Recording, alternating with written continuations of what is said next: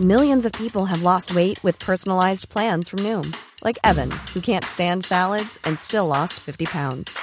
Salads, generally, for most people, are the easy button, right?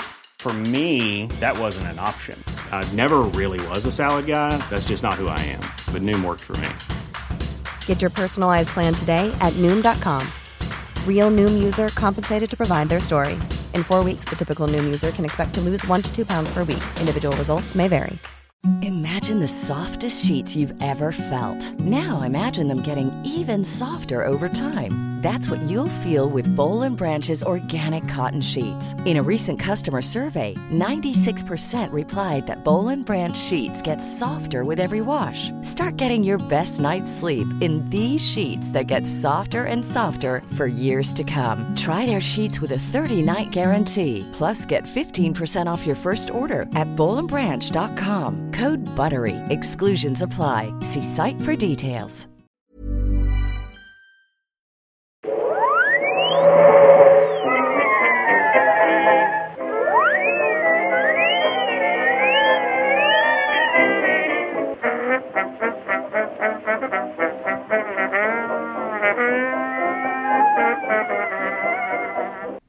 Börjar jag i stort sett bara. Hej och välkomna till Nörden och jag. Det är jag som är nörden, Fabian Nylander. Och det är jag som är jag, Viktor Engberg. Det här är podcasten i samarbete med Acast där vi pratar nördämnen, nördkultur i slags bildande syfte. Jag försöker bilda Viktor i saker han tycker om men inte vet så mycket om. Men det här är en så kallad Elseworld. Precis, Elseworlds, det är de här avsnitten mellan avsnitten så att säga. De vanliga avsnitten är kontinuitet där vi går igenom då nördämnen, men Elseworlds är precis som vi ser i tidningsvärlden, att man kliver utanför kontinuiteten och, och leker med andra koncept. Och det är det vi gör här, vi leker med lite andra koncept.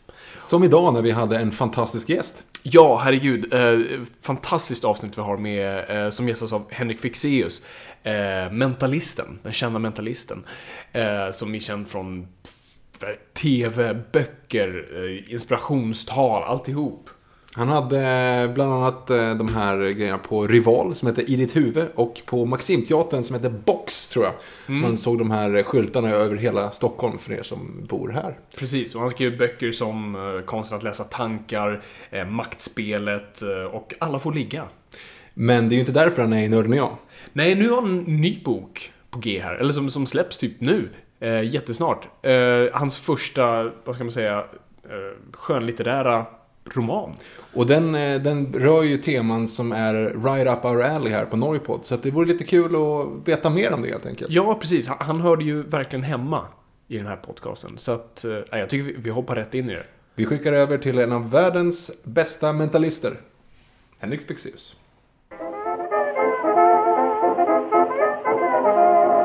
Då sitter vi här med en man som verkligen har superkrafter. Henrik Fexeus. Hej! Välkommen till Nörden och jag. Tack! Det, det är ju på, på ett vis alltså, riktiga superkrafter. Det är ju någonting man faktiskt kan använda praktiskt. Vilket nu. då? Ja, läsa tankar Jaha, ja, ja, jo, absolut. Det är väl det du gör? Ja, jo då. Men, i, känns det som superkraft på så vis? Är det någonting som, kan man göra gott med det? Kan man använda det för, för, för, för sett göra gott? Ja, men grejen är att det känns verkligen som en superkraft när man använder den och märker att man får resultat. Det, det är lite grann samma som, nästan ännu tydligare, om man håller på med minnesträning. De första gångerna man börjar lära sig minnessystem och inser bara, åh jäklar vad det funkar. Så känner man sig så här lite bättre än alla andra i hela världen. Eh, och det är lite samma sak med de här grejerna med kroppsspråk och mindreading och så vidare. Att, att när man gör någonting man märker, oj det funkar. Så, eh, men det är, man känner en osynlig mantel som fladdrar, men en, god, en välvillig sådan. Ja. Hur, ser du den liksom kapaciteten som du har? Är det någonting som, som, som du känner är medfött, en talang du, du alltid någonstans haft som du har byggt på? Eller är det någonting som du har jobbat från grunden? är du en Ja, ja, ja. Superman eller en Batman? Ja, jag fattar. Ja, är, jag, är jag fascist eller psykotisk? Ja, det Svår fråga, men kanske båda. Nej, men grejen är att jag var ju asdålig på det allt med social kompetens liksom vi, vi kanske ska förklara att när vi pratar om superkrafter, det vi egentligen pratar om är liksom någon form av, av eh, väldigt underliggande socialt spel där man skickar liksom ordlösa signaler och koder till varandra som man kan använda sig av i kommunikation för att förstå varandra och påverka varandra. Det är det det eh, Och mitt intresse av det kommer sig ju av att jag var asdålig när jag var liten. Det känns som att alla i hela världen hade fått en bok om hur man gjorde med andra ungar. Jag hade inte fått den. Jag började förstå hur man lekte med barn när jag var sådär slutet av högstadiet. Ja, men då var ju då var ju inte vi barn, då var de och hånglade med tjejer. Men hur gör man det? Jag var liksom alltid efter. Så sen började jag ta reda på, men okej, hur funkar det här? Varför gör vi som vi gör? Fortfarande i tron av att alla redan visste. Så eh, inte förrän jag var typ 34 och då kunde ganska mycket om det så insåg jag att andra också ville veta. När jag gjorde min första föreställning som mentalist. Folk bara, men kan du komma och föreläsa? Bara, Vadå? Jaha, jag trodde ni hade koll. Så, så att, så att, och det är också därför som jag har skrivit böcker om det. Därför att jag tänker mig att om jag kan lära mig det här, då kan vem som helst lära sig det. Bara man är tillräckligt intresserad. Så det ligger mycket hårt jobb bakom. Det är inte så att du är biten av någon muterad insekt som Nej, här- det hade ju varit föredömligt. Men jag vet inte hur många labb jag var inne på och bara väntade på att något skulle trilla ner från taket. Inget En hände. muterad, en radioaktiv lögndetektor. Ja, eller bokmal tänkte jag för bra att läsa på någon vänster. just det. Ja. Ja, alltså det behövdes ju inte för det var ju det som hände då när man inte umgicks med barn var att man var hemma och läste istället.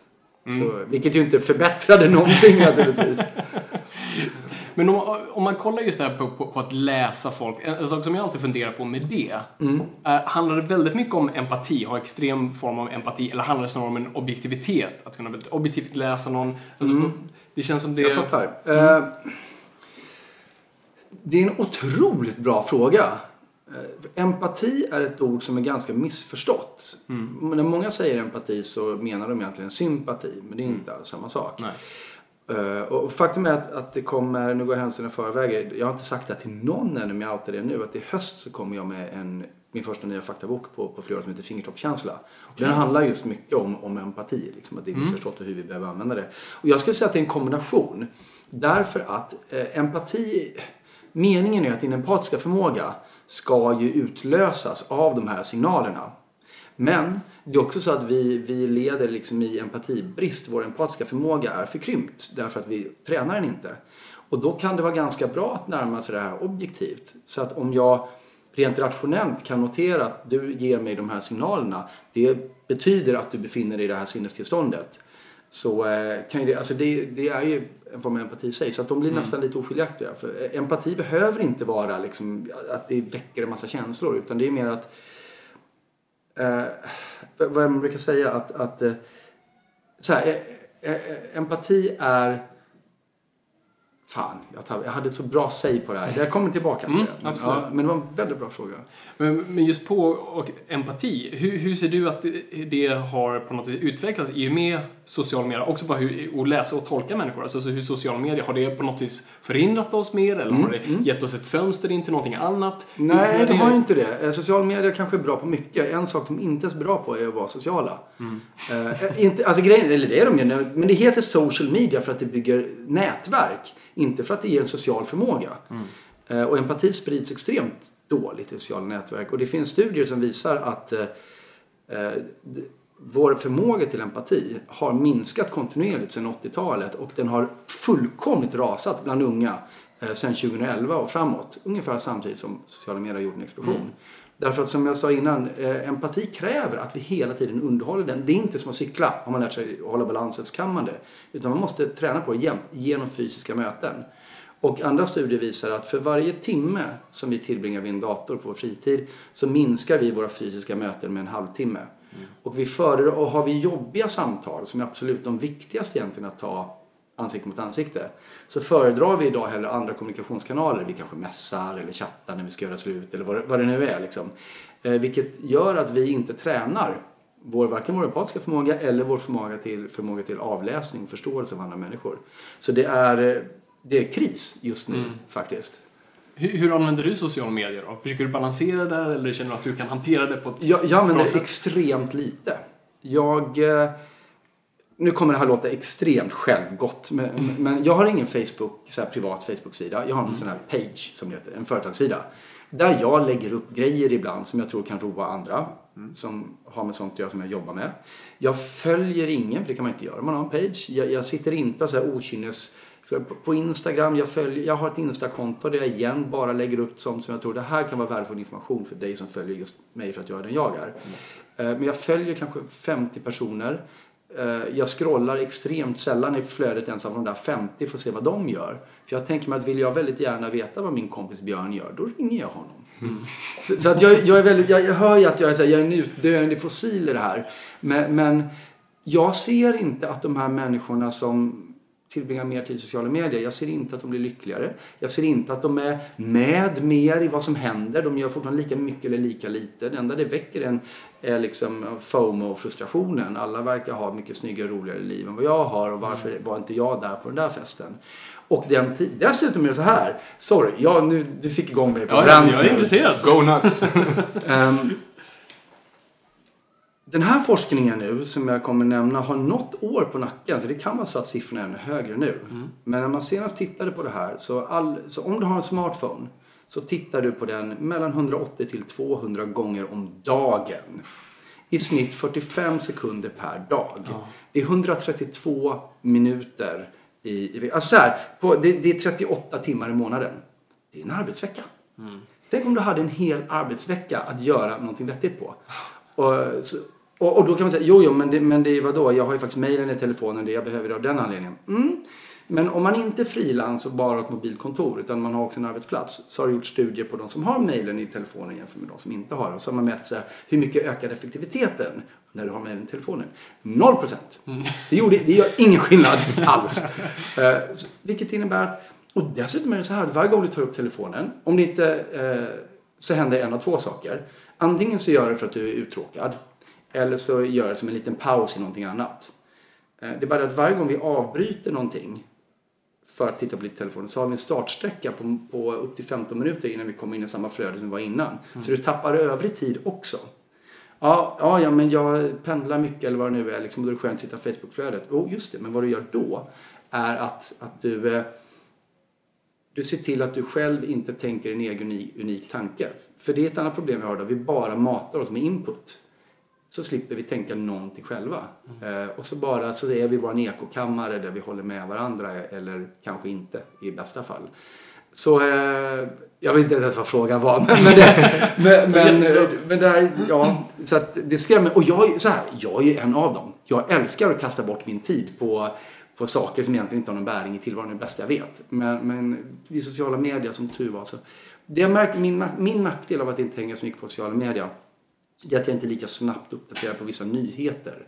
Saker som har hänt, politiska uttalanden som har gjorts eller något sånt, än vad, än vad andra är. Eh, Det, men, och det kan jag tycka så här, mm, eh, men det skulle jag kunna råda bot på genom att bli bättre på att läsa morgontidningen då i så fall. Alltså, Och då ligger man 4-5 timmar efter bara. Så att då Ja, exakt, lugnt. exakt. Ja, precis. Men på tal om att slösa tid i, i, eh, som vi alla gör. När det kommer till film och TV och konsumera film och TV. eh, Och, och mindreading, tänker jag. Det, var väldigt populärt bara för några år sedan att göra serier om det. Jag tänker på The Mentalist, Lie to Me och sånt där. Sherlock på ett vis. Är, är det någonting du gillar att titta på? Eller är det lite den här grejen, den som jobbar på McDonalds inte vill göra hamburgare hemma? Eh, gillar du att konsumera i så fall? Är det något, något du har tyckt såhär, ah det där gjorde de faktiskt bra? Ehm, alltså, jag har inte sett Lie to Me, jag har inte sett The Mentalist. Och, det och det är inte av något så här ställningstagande. Uh, jag har bara inte haft tid, det har funnits andra serier som jag velat se. Uh, Sherlock tyckte jag var fantastisk eh, fram till senaste säsongen. Men, men. Eh, men, men uh, oh, alltså, om vi ska prata om de där två herrarna så, ja. Uh, Mark Gatiss och hans gode vän Moffat. Eh, men det var inte alls det vi skulle prata om. Eh, men, men det var inte för att jag tyckte att ah, de har fattat grejen rätt utan det var ju för att det var jävligt bra TV, punkt. Så. Så att, eh, och visst, Lie to Me var baserad på Paul Ekman fast det var ju mest för att kunna säga att den var det. De där serierna har ju lite bäring på verkligheten. Okay. Eh, Så är det. Men, men absolut, Sherlock var eh, liksom fiktionsmässigt kanske den första mentalisten. Så, så är det ju. Mm. Vad kollar du på annars då? Vad gillar du, vad gillar du att kolla på? Vad är din liksom så här, s- komma hem, sätta sig, slå på Netflix eller vad det nu är? Ja. Vad, är det du tittar på då? Ehm, jag, jag, försöker, jag har ju alltid varit, liksom, tittat på alldeles för mycket film. Uh, därför att när jag växte upp då var det ju film. då- Tv-serier var ju inget. Liksom, det fanns ju inte då. Och, ehm, det, det här låter lite hemskt med tanke på hur mycket jag sagt att vi måste ta tillvara vår tid. Så jag önskar att jag kunde säga att jag bara satt och tittade på Tarkovsky hela dagarna. Men, men, men, men jag har länge haft en fäbless för här, monsterfilmer från 80-talet. Eh, Därför att på 80-tals, 80-talet så var det liksom sci-fi och fantasy skräck, det var skitsamma. Man bara körde ner allting i stor hög och så fick folk massa pengar och sen så gjorde man jättemycket i silikon. Och det fanns någon form av craziness i det som även de sämsta av de filmerna är så här, för mig väldigt inspirerande att titta på. Så det gör jag mitt i natten när alla sover. Ehm, och så fort man vaknar då, då Alltså så här. För mig är det liksom... Farscape är normalt. Så då, det skulle jag kunna så här, visa min sambo. Ja, nej, nej, men det är bara lite dockor i rymden. Det här är inga konstigheter. så, eh, ja. men, men det blir ju alltid i den genren. Jag tittar inte på deckare. Ja, i och för sig Life on Mars kanske var en deckare och den var bra. Men det intresserar mig inte. Jag har alltid, ända sedan mina första minnen av populärkonsumtion, eller kulturkonsumtion, eh, hade med rymden att göra. Eh, Så att jag har, alltid, jag har alltid sökt mig till berättelser som liksom tangerar att världen inte är som vi tror eller tänk om det ser ut så här istället, det finns en annan färg på himlen. Eh, Och det är fortfarande så. Eh, Realistiska dramer. Och skulle jag hamna på det någon gång i en sån film så kan jag ju tycka att det är jättebra. Men det är sällan någonting jag söker mig till. Men det var så, så, så vad ska man säga, din så kallade nördfix eller nördcred grundar sig i sci-fi då, eller? Ja, Är det där absolut. det börjar? Absolut. Och var- startar det någonstans? Alltså, eh, som jag sa, jag har ett minne av när jag är fem år gammal så går jag omkring på en gräsmatta och lyssnar på en, eh, en radioteater som jag lyckas spela in av misstag. Eller inte av misstag, men, men av någon har spelat in den här. Och jag lyssnade på den om och om igen och jag var så här helt besatt av den här berättelsen. Och också av musiken som spelades mellan de olika scenerna. Och berättelsen handlade om, eh, så här, jag tror det bara var en översättning av Twilight Zone-avsnitt, för den handlade om en, om en eh, kille som eh, åkte till en annan planet och där blev han satt på zoo. Och så fick han hjälp av någon på den planeten att fly därifrån och så kom han tillbaka hit och då blev hans kompis satt på zoo istället här. Så när det slutar så ska de liksom dra igen. Så det var liksom ett rym... Det var science fiction-tema och musiken. Så tio år senare så insåg jag att det var Oxygen med Jean Michel Som ju var väldigt sådär, det var ju ljud som jag aldrig hade hört i hela mitt liv. För att det var ju bara elektroniskt, det var ju inga riktiga instrument. Det var väldigt utomjordiskt. Så att där började det. Och, och fortsatte. Men sen så, jag var, det var inte så att jag var någon form av konnässör. Så att när jag, mina sommarlov tillbringade jag ju när jag var ung med att jag gick till Vallentuna bibliotek där jag växte upp och så länsade jag bokhyllorna på allt som verkade vara det minsta fantastiskt. Och då spelade det ingen roll om det var liksom Den hemliga trädgården av, av Nesbit som är en sån här sekelskiftes, man, väldigt romantiskt i en trädgård och när klockan slår 12 så kommer någon person som egentligen bor på 1800-talet. Ja, men, du vet så här, fantasy, sekelskiftets fantasy eller om det var Isaac Asimov och Space Opera. Det, det gjorde inget. Eh, så länge det inte var den världen vi var i nu. Det var liksom enda kritik. Jag, jag har fortfarande så här trauma efter att jag efter typ 120 sidor i boken Den osynliga pojken inser att shit, den här boken handlar verkligen bara om en kille som är mitt emellan två föräldrar i ett skilsmässodrama här och därför inte hinner se honom. Han kommer inte bli osynlig. Jag var så förbannad. Och då var jag 12. Ja. Kunde sånt där hjälpa dig? För du- har förklarat i andra intervjuer om, en tuff skolgång och, och Mm. Ja, men jag tror att det- med mobbing och allt sånt där. Så var det någon hjälp som en flykt eller? Ja, men det var ju. Det- jag antar det i alla fall. Men, men jag hade ju intresset redan innan. Men det kanske blev starkare då eller, eller fick mer bäring. Och jag höll ju också på med trolleri. jag ju väldigt intresserad av. Eh, Och det är ju också liksom ett sätt att leka med tanken på att eh, det finns magi. Liksom. Det finns någonting annat än, än, än det här som vi kan ta i och banka på. Eh, Så, så att jag tror att de kompletterade varann. Min värld var lite extra tråkig. Och jag fattade den inte. Jag fick med stryk i den. Och då var det rätt härligt att kunna läsa om Narnia eller andra planeter. Eller vad. Var magi ett sätt också att greppa det? Alltså att få en, ett slags kon- kontroll på tillvaron? Jag tror att, ja, bra fråga. Ja, men det, det är intressant att magi är ju är kontroll på tillvaron samtidigt som det är att påskina att tillvaron inte är vad du tror att den är. Så det var väl också det att, att ha en kontroll som inte eh, någon annan hade. Mina klasskamrater eller de på skolan. Att jag faktiskt kunde göra saker som de inte kunde. Och i förlängningen då egentligen kontrollera deras verklighet. Och i övrigt så var det de som kontrollerade min. Det här innebar ju att jag stod ju på klassens timme varje fredag och skulle trolla. Vilket innebär att jag var ju den värsta sortens barn. För att jag var å ena sidan totalt socialt inkompetent. Och, och å andra sidan väldigt extrovert. En av de två, och det hade gått ganska bra liksom. Men båda, den kombon var, var inte, inte den mest ultimata kanske. Nej. jag, läste också på din, på din hemsida, och, det är kopplat lite kanske med till ditt intresse Victor, men det stod någonting om origami-dinosaurier. Mm, Vad är det? Origami-dinosaurier är dinosaurier som man viker av papper. Det är det du gillar att göra specifikt. Det är inte svanar och Nej, roliga nej men, och det var, det var någonting som jag höll på med just när jag, när jag skrev den hemsidan. Jag har ju faktiskt inte gjort det på några år nu. Men jag hittade en, eh, en bok med eh, origami-dinosaurier. Eller, eller egentligen en bok, ett litet paket som man fick med origami-papper och, och, eh, och modellerna till dinosaurierna. Och jag vet inte om det är bara jag som är skitdålig på vika origami eller om det är så att det blir lite bättre, lättare om man har större ark. För att, jävlar vad billigt det var! Det blev inte jätte, jättebra. Men, men eh, ja, jag höll på med det ett tag. Mm. Följdfrågan är självklart då favoritdinosaurie.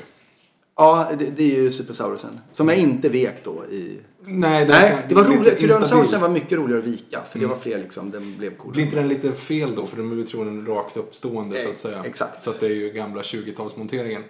Det kan vi pra- prata om en annan gång. 20-talsmonteringen, då tänker du modeller eller? Precis, nej, men de första dinosaurierna innan de fattade att de var framåt Ja, ja. så att säga så hade du ju alltid att svansen eh, släpade i marken och det kan vi säga som ni alla som lyssnar på podden redan vet att det var inga dinosaurier som hade svansen släpande i marken överhuvudtaget. Eh, för att det är helt eh, evolutionärt fel. Alltså det vore väldigt dumt att ha liksom en, en hel kroppsdel som hela tiden påverkades av, av eh, underlaget på det sättet. Så det vet ni det. Men origami-mässigt måste det fortfarande bli pilligt med små armarna på T-rexen. Ja, men det var ju det. Det var ju fruktansvärt billigt. Så att jag, och då tänker jag så här. Jag, jag tror att större papper skulle göra det enklare. Men, men eh, ja. Fick man inte bara fuska lite grann? Ta lite större papper. Jo, absolut. Men, men jag tänkte ju så här. Nu var det de här papperna som kom med. Jag ska fan klara det här. Så eh, ja, jag, jag vek väl ett 50-tal kanske innan jag gav upp och gick vidare i mitt liv. Och hur många har du fortfarande kvar på så hedersplatsen Nej, hemma inga i vardagsrummet? Inga Nej, alls. okej. Nej. Jag, är, jag är... Jag, jag är en hoarder, absolut. Men, men inte av sånt. Det här gick så här, fult. Om de hade varit snygga kanske. Men, men, ja. Men då undrar jag nu vad du hårdrar för någonting. Oj! Eh, jag hårdar eh, film som jag desperat försöker sluta med. Men det har jag gjort ända sedan innan det gick att köpa VHSer i Sverige. Så att det är svårt att lägga av med. Eh, serier, brädspel och, och konsolspel. Och väldigt få saker av det som jag nämnde nu hinner jag ta del av. Men, men, De ska stå där. ja, de ska stå. Men, och böcker förstås. Ja, ja men då, det, är det är väl som jag då. Vad, vad, vad, när det kommer till film då? Är det fortfarande att gå och köpa de här gamla VHS-erna? eller är det DVD-er och, och du vill utveckla till Blu-ray? Är du på tekniken eller gillar du extra material eller gillar du bara ha själva filmen? Vad, vad är det du dras till där? Jag tror att det är bara en trygghet. Det är napp bara. Eh, Men nej, nej, alltså det, nu, nu är det ju bara Blu-ray. Vilket ju känns jättekorkat för att fysiska media är ju döda. Eh, Så är det ju. Säg inte Säg inte, det, vet. säg inte så till Fabian. Han, Men man får ju inte de där extra grejerna på, när man streamar det. Så att, eh, och extra grejerna älskar jag men jag hinner ju aldrig titta på dem. Eh, och ibland så, ja, men du vet man gör den här klassiska, okej nu har jag köpt den här filmen på Blu-ray. Som jag hade på DVD innan, som jag hade på laserdisk innan det, som jag hade på VHS innan det. Jo då, laserdisk. Eh, men, men nu kan man ju äntligen börja motivera det för sig själv med uppgraderingarna eftersom de restaurerar filmerna. Och faktiskt är det väldigt många filmer som restaurerade blir som att shit, jag har aldrig sett den här filmen förut. precis. Så det är värt det, tycker jag. Eh, men, men, eh, men jag försöker att, att trappa ner på mitt köpande. Därför att jag har insett att jag är ändå mer otittat nu än vad jag kommer se innan jag dör. Så då, jag behöver egentligen inte köpa mer. Och framförallt filmer som jag har sett på bio, varför köper jag dem? De kommer ju hamna längst ner så att se om högen, för de har jag ju egentligen sett redan. Jag tänker bara, när man blir pensionär, man kommer ha massa tid. Fast du kommer ju fortsätta, du kommer köpa fler filmer då Ja, ju. jo, jag kommer ju skjuta fram det. men- Jo, Blu-rayen är ju föråldrad. Jaha. Rätt rejält då. Så att Ja, menar, det- det, kommer inte vara så att du kan titta på dem. Nej, fysiska som, grejer kommer inte finnas det är alls. de som har sparat på Betamax nu. Liksom. Ja, just det. Precis. Ja, gud. Eh, om vi bara kollar på då din, din, din bakgrund med sci-fi och trolleri. Det känns ju som det har en koppling till ditt karriärsval. Jo, men det har du ju. Så att du, du levde ju ut det fullt ut. Hur, Var det liksom alltid tanken? Eller var det något du Nej. sen bara fall tillbaka på? Nej, men faktum var att jag tillbringade en stor del av mitt liv att, att bara göra det som var lite roligt just då. Jag hade aldrig någon sån här masterplan, men det här ska jag göra. Och sen så när jag, ehm, ja det var just 34 eller 33 kanske, så hade jag eh, ett, ett eh, halvtidsjobb som marknadsförare. Jag hade inte, ingen utbildning om marknadsföring, men jag jobbade som marknadsförare. Och, och två barn och, och en eh, fru som jag tror inte hade något jobb för tillfället. Och var lite så här, Jaha, var det det här det blev? Är det det här jag vill verkligen? Och så tänkte jag, men nu kanske jag för första gången ska ta liksom ett grepp om mitt liv. Tänkte, Men vad är det jag har gjort om jag tittar på liksom, Finns det någon röd tråd? Finns det en gemensam nämnare i allt jag har gjort? Och ehm, jag hittade ingen. Och så blev jag jättedeprimerad. Eh, och så tittade jag lite noggrannare och det var då den där polletten trillade ner. Men vänta nu, allt jag har gjort. När jag har pluggat psykologi, när jag har pluggat media, när jag har hållit på med trolleri, när jag har hållit på med amatörteater, även när jag har jobbat som DJ. Allt handlat om att påverka och förstå mänskligt beteende. Och jävlar vad jag kan mycket om det, både teoretiskt och praktiskt. Eh, och, det var då, och det var då jag tänkte, men det är det här jag ska göra. För att jag, parallellt med det så ha- hade jag kvar intresset för trolleri. Om det var någonting jag trodde att jag skulle göra när jag var yngre så att jag skulle bli trollkarl. Men det var någonting med det som var lite lökigt.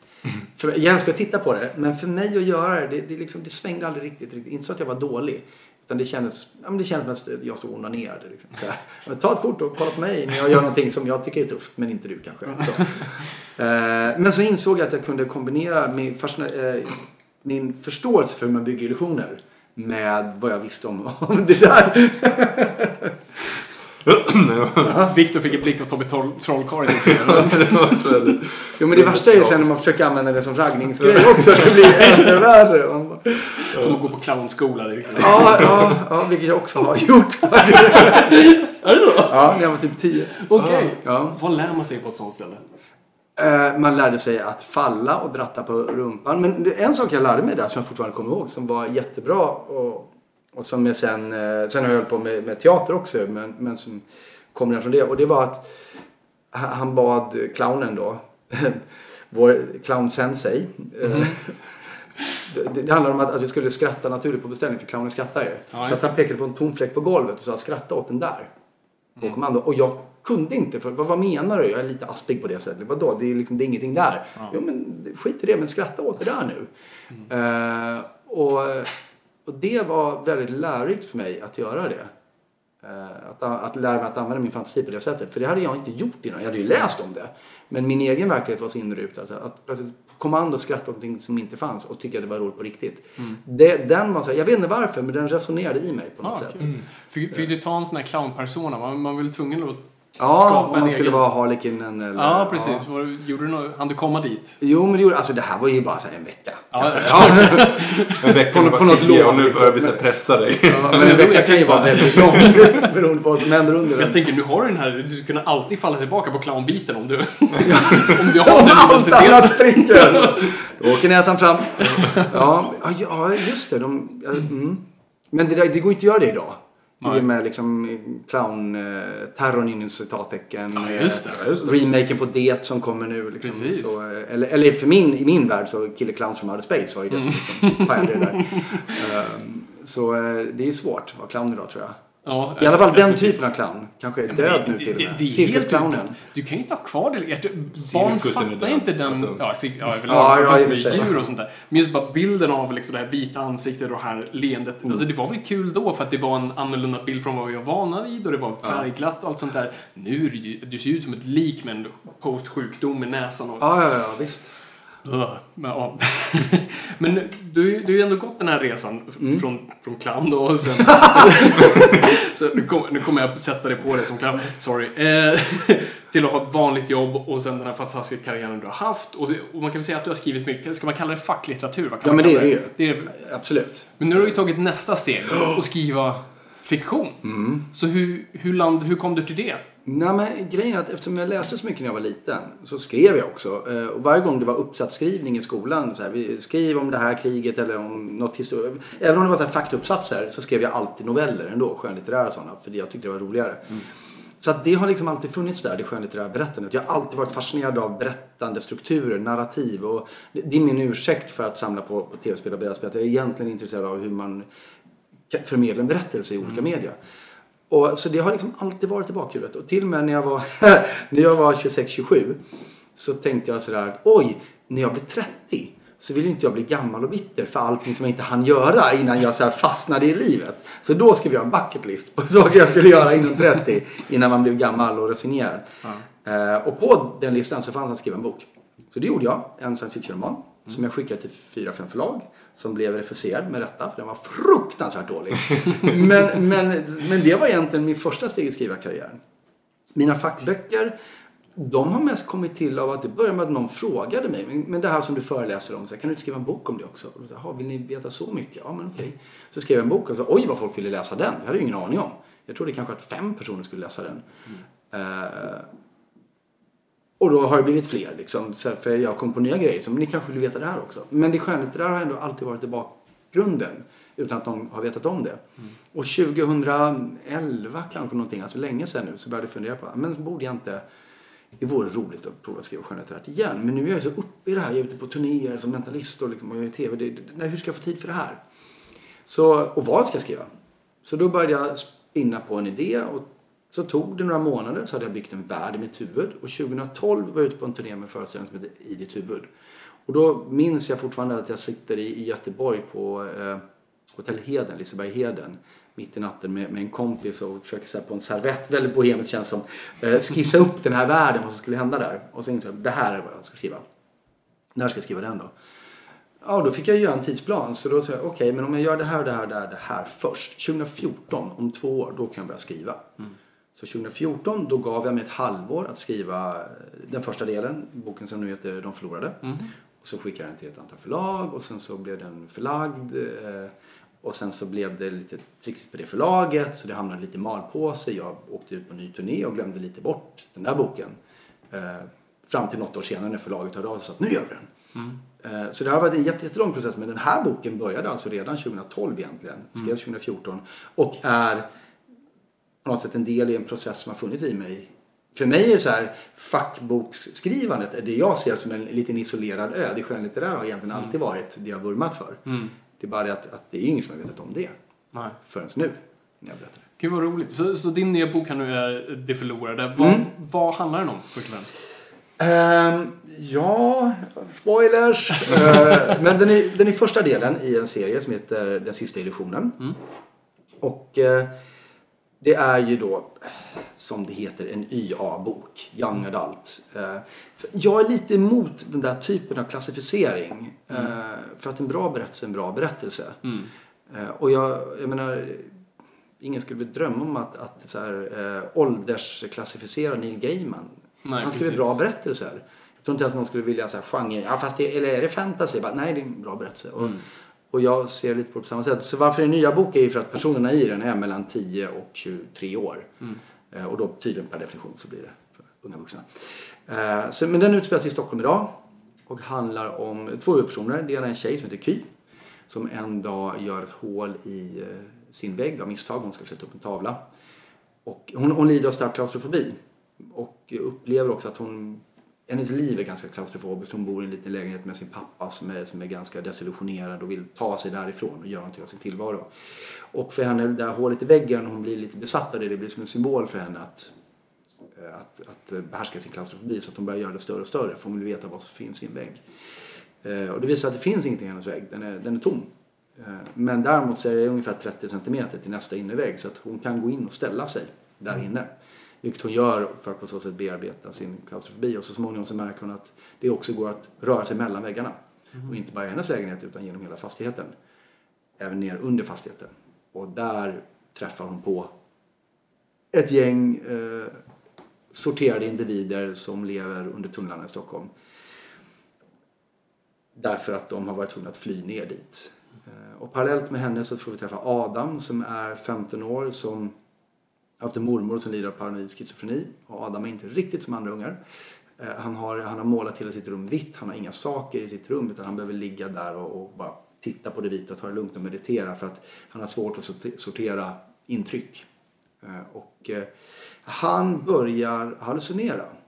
Han börjar, tycker sig börja se bokstäver som flyttar på sig på klistermärken. Folk börjar använda ord han aldrig har hört förut. Och droppen kommer när han ser sin egen adress eh, sprayad på väggen på en, i en tunnelbana, eller förlåt, i en gångtunnel. Eh, där den inte var förut. Och han undrar om han börjar bli galen eller om de här grå gestalterna som han tycks se överallt verkligen förföljer honom på riktigt. Mm. Och de dras, Ky och Adam och det här gänget då under marken dras in i någon form av äventyr där uh, världen inte alls verkar vara det den har sett ut att vara fram till nu. Om det inte är bara så att de håller på att tappa förståndet. Så att det, det är väldigt mycket in och ut ur deras huvud. Vad en hallucination, vad är verklighet. Ehm, och eh, ja. Det här låter Så. jätteintressant. Ja, Jag- ja. Fan vad kul. Jag vill snurra lite på det här du pratar om stämplar. För det är ju också, Ja. alltså, i, inom film och tv är ju också samma problem att folk ska stämpla saker hela tiden. Mm. Eh, känner, det måste ju varit en, det känns som en ganska modern grej nu. Det känns som förut som Folk behövde inte stämpla. Det var Nej. antingen kanske då skräck eller fantasy. Men nu handlar det om åldersgrupper och det här. Vad liksom snurrar. Vad, är det en jobbig grej tycker du nu som, som författare att behöva, att det, det inte får tala för sig själv lika mycket längre? Ehm, ja, ja och nej. Så här. Jag, jag förstår att stämplarna är där. Därför att bokhandlarna vill veta vilken hylla de ska ställa den i. Och som kund så är det skönt att veta att ja, men jag ska köpa en bok till någon som är 10 år. Då går jag till 9 till 12 hyllan. Och den här personen gillar eh, Ja, men så, så att jag förstår sorteringen. Den underlättar för handlare, den underlättar för konsumenter kanske. Eh, men den underlättar inte för, för kreatörer förstås. Och, eh, Annars kanske man får den där den osynliga pojken igen där. Ja, precis. Och det vill man ju inte. Är, så att jag, på så sätt är det ju bra. Det är skitbra. Jag önskar att, att det hade varit svårt sorterat. Men, men det är ju... Jag kan ju tycka att det är knepigt också för att med stämplarna så kommer ju också då plötsligt en massa fördomar om vad varje stämpel innebär. Jag har ju förstått nu att min bok den, den klassas som eh, Young Adult Urban Fantasy. Jag bara, aha, fast Urban Fantasy? Nej, för det är inte vampyrer eller änglar eller, eller, eller varulvar liksom. För att Twilight och, och Mortal Kombat, eller säga, vad det nu heter. Mortal Instruments. Ja, och, och äh, ängelgrejen har förstört det där. Eh, så att jag, jag började men jag har en egen stämpel. Jag kallar det Urban Unreality. så att på svenska har jag ordet fantastik. Vilket jag tycker är fantastiskt. Första gången jag hörde det så bara, va? Men det är briljant. För det, det signifierar allt, eller signifierar all, allt som inte är eh, totalt realistiskt är fantastik. Eh, och jag skulle önska att, att man kunde nöja sig med det. Det kanske räcker. Eh, i, men, men eh, och det är samma problem. I USA så pratade man ju, på 30-talet så då hette det bara weird fiction. Det är jättebra. Därför i det får du in allt. Du får in, liksom, du får in det som bara är surrealism. Från det till eh, Lovecraft-tentakler. Liksom, eller, eller space opera. Det, det är weird fiction. Ehm, så att, ja. Jag förstår att stämplarna finns där men de är lite problematiska att förhålla oss till. Hade unga Henrik velat se den här boken i biblioteket hemma? Ja men det är ju det. Alltså jag har ju skrivit den här boken till till mig när jag var yngre. Det här var, jag, jag har försökt skriva en bok som jag skulle ha älskat att läsa när jag plöjde liksom allt som fanns i, i, i bibblan. Och, och, eh, och jag tänker att om man var sån, eller är sån, idag. Eh, så alltså för, för de som är som jag var, eller nu, eller, eller var det som då. Så hoppas jag att man känner igen sig i det här. Eh, och, och att man gillar den. Eh, och det, och, så, så det, det, det, är så här, det är min enda ambition. Att En liten så här att bara få påminna om eller ge tillbaka till, kommer ni ihåg hur det var? Utan att för den skulle vara så Stranger Things eh, tydlig i, Nej, i uh, hommagen. Så. Eh, En sak som jag är intresserad av, just du, du jobbar ju med att läsa människor i stort Mm. sett. Eh, och som författare och som manus för att det, det är väldigt viktigt att kunna människor på, Mm. på, på en viss plan. Hur har det varit för dig? Är det, är det, har det hjälpt dig jättemycket att kunna forma karaktärer? Eller är det som att du nästan vet för mycket så att det blir för subjektivt? Och det känns som det är en balansgång där. Hur har det fungerat? Alltså, jag skulle ju önska att jag kunde säga att det hade hjälpt mig otroligt mycket att forma mina karaktärer och att jag har haft ett jättestort försprång. Och de är så levande! De bara hoppar från sidan. Men grejen är att jag kunde aldrig drömma om att det var så knepigt att skriva fiktion. Eh, jag menar, jag, jag skriver fackböcker, jag vet hur man skriver. Det, det är två helt olika världar och verktygen är helt annorlunda att skriva fiktion eh, och faktalitteratur. Så att jag, jag bara hoppas att jag har fått mina karaktärer att vara något sånär, åtminstone tvådimensionella, kanske till och med tredimensionella. Därför att, ja visst, jag vet ju hur de funkar. Eh, och som, som du säger i och med det jag gör liksom, så är de ganska uttänkta för mig. Men sen att förmedla det, det, det är... Det har inte varit lätt. Alltså, jag är chockerad och eh, in, ö, väldigt ödmjuk inför hur svårt det var. Även, så att jag blivit så här, även den sämsta tv-serie så är jag så här bara beundran över att de här manusförfattarna bara trycker ut 45 minuters avsnitt, ett i veckan liksom med dialog och handling och plott. Och de bara, hur... Jag har haft svårt att skriva en bok. så äh, ja, nej det, det, mm, det har inte hjälpt mig så mycket som jag hade hoppats kanske. och sen det du snuddade på där också med, med att skriva eh, facklitteratur versus nu fiktion. Ja. Hur har den bara processen varit? Vad är den skillnaden som du, du tycker? Ja, men det, alltså, det, om man inte skriver, det är så svårt att klä i ord. Om man inte skriver så är det nästan omöjligt att förklara. Det bästa, jag brukar göra en liknelse som, som är att, att jämföra skriva facklitteratur med skönlitteratur. Åtminstone för mig så var det att jämföra måleri med, med bildhuggeri. Det är konstnärliga uttryck men det är två helt olika verktyg. Därför att jag tänker ju mycket på språket när jag skriver facklitteratur. Men då är det ju mer grammatiskt, eh, hur man redogör för ett resonemang. Um, Medan här, oh, jag vet inte hur jag ska beskriva det, men, men det, det, finns så många aspekter att ta hänsyn till. Allt ifrån någon form av en övergripande nivå som, som eh, eh en kompis sa till mig tyvärr alldeles för sent i den här boken. Den där, den där relationen, den, den eh, den är lite svagare än vad den där andra är. Ja, varför tycker du det? Ska vi göra? Jo, därför att de har aldrig en genuin konflikt i sin relation. Det hade varit bättre om den var lite dålig ibland. Ja, just det. När du säger det så är det ju omedelbart tydligt. Men, men jag tänkte inte på det. För det finns mycket annat att tänka på. Till hur man snickrar en replik, hur man, hur man skapar olika röster, hur, hur uttrycker sig olika människor. Och hur får man fram all den här jävla eh, backstoryn eller bara förklara världen utan mm. att man har liksom, det dyker upp någon gubbe under lådan som berättar. Men i Sverige, speciellt i Sverige så finns det nästan en gestaltningssjuka. Att man får inte berätta någonting utan allt ska gestaltas. Det är mm. extremt svårt att göra det. Eh, och det är därför som de första fem minuterna i Wall-E mm. kan vara bland de bästa berättarna jag sett i hela mitt liv. För det, det, är en, det är en väldigt komplicerad värld. Det har hänt jättemycket. Och de berättar vad som har hänt med alla människor, vad som har hänt med världen, vem Wally är, vad hans funktion är, varför han är ensam. Det berättar de på typ under fem minuter utan att man ens märker att de har gjort det. Medan, medan han gör andra saker. Och det, det är så, sånt där behöver man ju inte bry sig om när man skriver facklitteratur.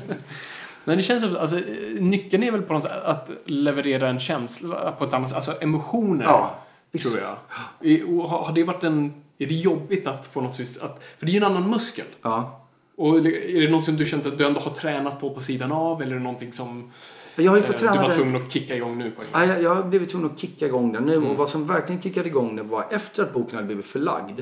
Mm. Så sa min dåvarande förläggare och boken har blivit mycket bättre sen dess ska jag säga. För det var 2014. Men hon sa så här, Henrik du har ett problem. Och det är att du tror att du kan skriva, men du kan inte det. Du har ingen koll. Vilket innebär att ibland är det skitbra. Ibland mm. funkar det inte alls. Du vet inte vad som är vad. Så vi gör så här. Vi behåller de första 80 sidorna. De övriga 200, där får du tänka om. Mm. Och jag sa wow! För jag såg ingen skillnad. Nej. Eh, och som, för den där muskeln hade jag aldrig använt. Så att jag tillbringade flera månader med att bara försöka förstå vad det var hon sa där. Mm. Och titta på berättelser och bara vad är det de gör? Varför funkar den här berättelsen? Varför funkar inte den? För att jag har aldrig behövt ha den analytiska synen tidigare. Mm. Um, så, så att det, ja, det har varit en enorm utmaning och väldigt spännande. Ja, kul. Jag, jag är dramaturginörd och, och du snuddar också lite på det med, med hur du gillar historieberättande mm. överlag. Mm. Böcker har ju, kan ju oftast ha lyxen, eller också förbannelsen, att kanske inte ha strukturer. Man kan hoppa in och ut karaktärer och man kan berätta olinjärt och hoppa mm. överallt. Vilken slags berättarteknik har du gillat att använda dig av när du har skrivit, när du har skrivit den här boken? Alltså den här, jag har ju varit ganska feg så att den är ju skriven i, i tredje person. Mm. Men är väldigt, väldigt nära som det heter tredje person. Det vill säga att du är ibland inne i karaktärens tankar men det är aldrig ett jag-perspektiv. Mm. Eh, och sen växlar kapitlerna mellan de två, mellan Ky och Adam. Mm. Eh, och bara det har varit ett problem. Jaha, men den här David, han är ju iväg och gör där, en grej där borta. De andra är inte med. Hur ska jag berätta vad han gjorde? För att ja, han är ju inte en berättare i boken. Det är ju de här två. Mm. Um, så att, jag menar, uh, folk som skriver i första persons perspektiv och i pågående form, att det är jag och nu. Det är ju en sån övning i självspäkelse så jag är helt så chockerad över att man ens törs. Men, men, eh, så att på så sätt är den ganska traditionellt berättad. Mm. Men, men jag måste ju börja någonstans. Ja. Och hur, hur är din skrivarprocess då? Eh, nummer ett. Liksom. Mm. Vad, vad, hur ser en skrivdag ut? Och också så är jag intresserad av att höra, har det varit någon skillnad då från facklitteraturen där också? I hur Ja, du bara oh ja. har jobbat? Oh ja. Uh, när jag gör facklitteratur, då skriver jag så här. Då fungerar det så här. Att först så hittar jag ett tema för boken. Den ska handla om det här. Uh, som jag förhoppningsvis kan lite om innan. Och då eh, går jag till den, de källor jag har och sen så tittar jag på vad finns det mer uh, som skulle vara värt för mig att, att använda mig av. Och så tillbringar jag några månader med att bara läsa research. Och sen sammanställer jag de delar av den researchen som verkar vettig. Och så ser jag vilka resonemang som förs egentligen och försöker renodla dem och sammanställa dem och, och säga okej men det här, nu, nu, har jag, nu har jag någon form av grund här men bara baserat på research. Då delar jag upp den i, i olika kapitel som intresserar mig och sen så försöker jag förklara det forskningen säger på ett vettigt sätt och, och det sista gör att jag lägger till mitt eget filter, mitt eget perspektiv på det. Mm. Så det är en extremt strukturerad process. När jag skriver skönlitteratur då eh, går jag till mitt kontor klockan åtta på morgonen och så sätter jag mig framför min dator och sen så tänker jag vad händer nu då? Eh, vilket är jättedumt där, därför att eh, jag tror att det var John Cleese som sa att vi vet inte var inspiration kommer ifrån men vi vet att den inte kommer från våra laptops. Eh, men eh, så att just nu sitter, jag sitter just nu och skriver del två.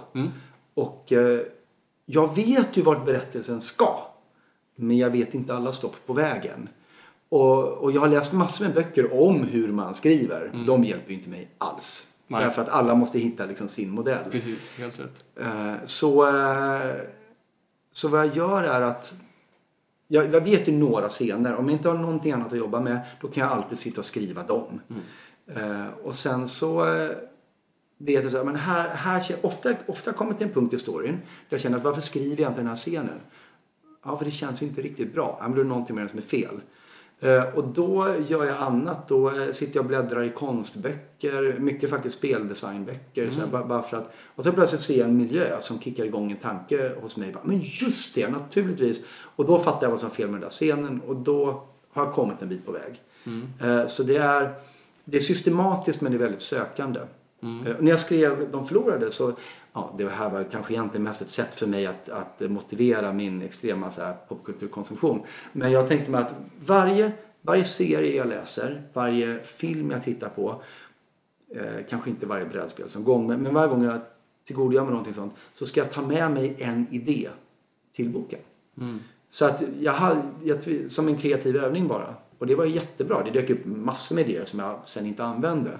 Men eh, jag, någonstans, någonting, allt det som finns i De förlorade har ju någonstans fötts i det här. Eh, så att man får använda tips och tricks. Ja, jag vet att eh, Tom Ford, moddesignern, Mm. när han regisserar, han, han jobbar utifrån bilder. Att han bara kollar på bilder, Ja. fotografier, antingen på Google eller böcker och, och sånt där. Och det, det är så typ scener skapas, att han får en viss specifik Men bild. problemet med det eh, för mig var att första versionen av De förlorade så eh, först så bad jag en kompis läsa den bara för att se är det här bra annars så skiter vi i det. För Jag var helt beredd på att den kunde vara dålig. och han hade jobbat en del med storyboards. Och han sa, bara, han sa väldigt diplomatiskt att ja, den här boken, alltså det är en storyboardartists dröm. För du beskriver ju varje miljö i så detalj så att det är bara att rita av dem. Och det var ju för att jag hade utgått väldigt mycket från bilder. Så det, är det någonting jag har fått så backa på så är det att det är okej om inte läsaren tänker sig att det ser ut exakt så som du hade tänkt att det ser ut. För det är inte det viktiga. Säger du inte tolken? Ja, ja men de böckerna skulle aldrig ges ut idag. Nej. Om de skrevs nu. Alltså av den anledningen. Nej, absolut. Så är det ju. Ja, 200 sidor skog. Men vad har du tagit med då? Nu, nu skriver du ju tvåan, så Mm. vilka misstag är det du begick, alltså bara i processen så att säga? Jag känner att ja, nu, nu ska jag fixa det till det här. Ja, men det där är intressant. För att jag kan ju se då, inte kanske misstag, men, men en sak som jag känner att det där, nu vet jag att jag ska kunna göra det bättre. Men det betyder inte att jag faktiskt kan göra det bättre. Det betyder bara att jag är lite mer så uppmärksam på det. Eh, För det är så mycket, i alla fall i, i det är så många delar i ett skrivande som du vet. Eh, Och man blir ju egentligen aldrig klar. Så att det är bara att hoppas att man ser alla de där sakerna även när man är begravd under all den här texten. Ehm, och sen är det ju också så att den här storyn är ju, alltså, det är väldigt så här, det finns ju saker i, i den här boken som nämns i någon mening som återkopplat till någonting i del 3. Alltså, den är ju ett enormt jävla pusselbygge. Så bara att hålla de delarna är ett heltidsjobb nästan. Ja. Eh, Men, men, eh, ja. men det, är väl, det är väl det här med karaktärer kanske, att bli ännu bättre på att, att låta dem vara levande. Mm. Och slutligen då, vilka, vad vad har varit de främsta inspirationerna då, i form av verk till, till den här bokserien? Har det varit några specifika böcker eller filmserier, serier? Nej, nej, utan det är nog någon form av amalgam av eh, allt det jag har tittat på på nätterna och framförallt det jag har vuxit upp med. För att alltså, jag har ju, jag har ju Wes Craven och John Carpenter och Neil Gaiman och Alan Moore och, och eh, Jeff Noon, eh, allt det, jag har ju det i blodet liksom. Det är därifrån det kommer. Så eh, man kan säkert hitta bits and pieces av allt sånt. Ja, kul. Men eh, stort tack att du kom och pratade med oss. Tack och att hit. din bok är alltså Det förlorade. Och när, kom, när släppte den ut i, i butikerna? Eh, det sägs att den, den åker från lagret den 18 april. Så att 20 april senast ska den väl finnas i butik. Men går förstås att förboka ända fram till dess. Härligt. Har du någonting annat på G? Är det någonting annat du, du vill annonsera ut medan du ändå är här? Nej. Någon ny show på G eller? Nej, det kommer dröja för nu ska jag ju skriva klart den här serien böcker. Eh, Och jag skriver parallellt med den också en fackbok per år nu. Så att eh, nu sitter jag och skriver. A lot can happen in the next three years. Like a chatbot may be your new best friend. But what won't change? Needing health insurance. United Healthcare Tri Term Medical Plans are available for these changing times. Underwritten by Golden Rule Insurance Company, they offer budget friendly, flexible coverage for people who are in between jobs or missed open enrollment. The plans last nearly three years in some states, with access to a nationwide network of doctors and hospitals. So, for whatever tomorrow brings, United Healthcare Tri Term Medical Plans may be for you. Learn more at uh1.com. Millions of people have lost weight with personalized plans from Noom, like Evan, who can't stand salads and still lost 50 pounds. Salads, generally, for most people, are the easy button, right? For me, that wasn't an option. I never really was a salad guy. That's just not who I am. But Noom worked for me. Get your personalized plan today at Noom.com. Real Noom user compensated to provide their story. In four weeks, the typical Noom user can expect to lose one to two pounds per week. Individual results may vary. Planning for your next trip? Elevate your travel style with Quince. Quince has all the jet setting essentials you'll want for your next getaway, like European linen, premium luggage options, buttery soft Italian leather bags, and so much more. And is all priced at 50 to 80% less than similar brands. Plus, Quince only works with factories that use safe and ethical manufacturing practices. Pack your bags with high-quality essentials you'll be wearing for vacations to come with Quince. Go to quince.com/pack for free shipping and 365-day returns. Bara. Eh, Sen kanske det blir en ny show. Men eh, mm, det blir då. Stort tack för att du satt Tack och pratade med oss. Tack själva.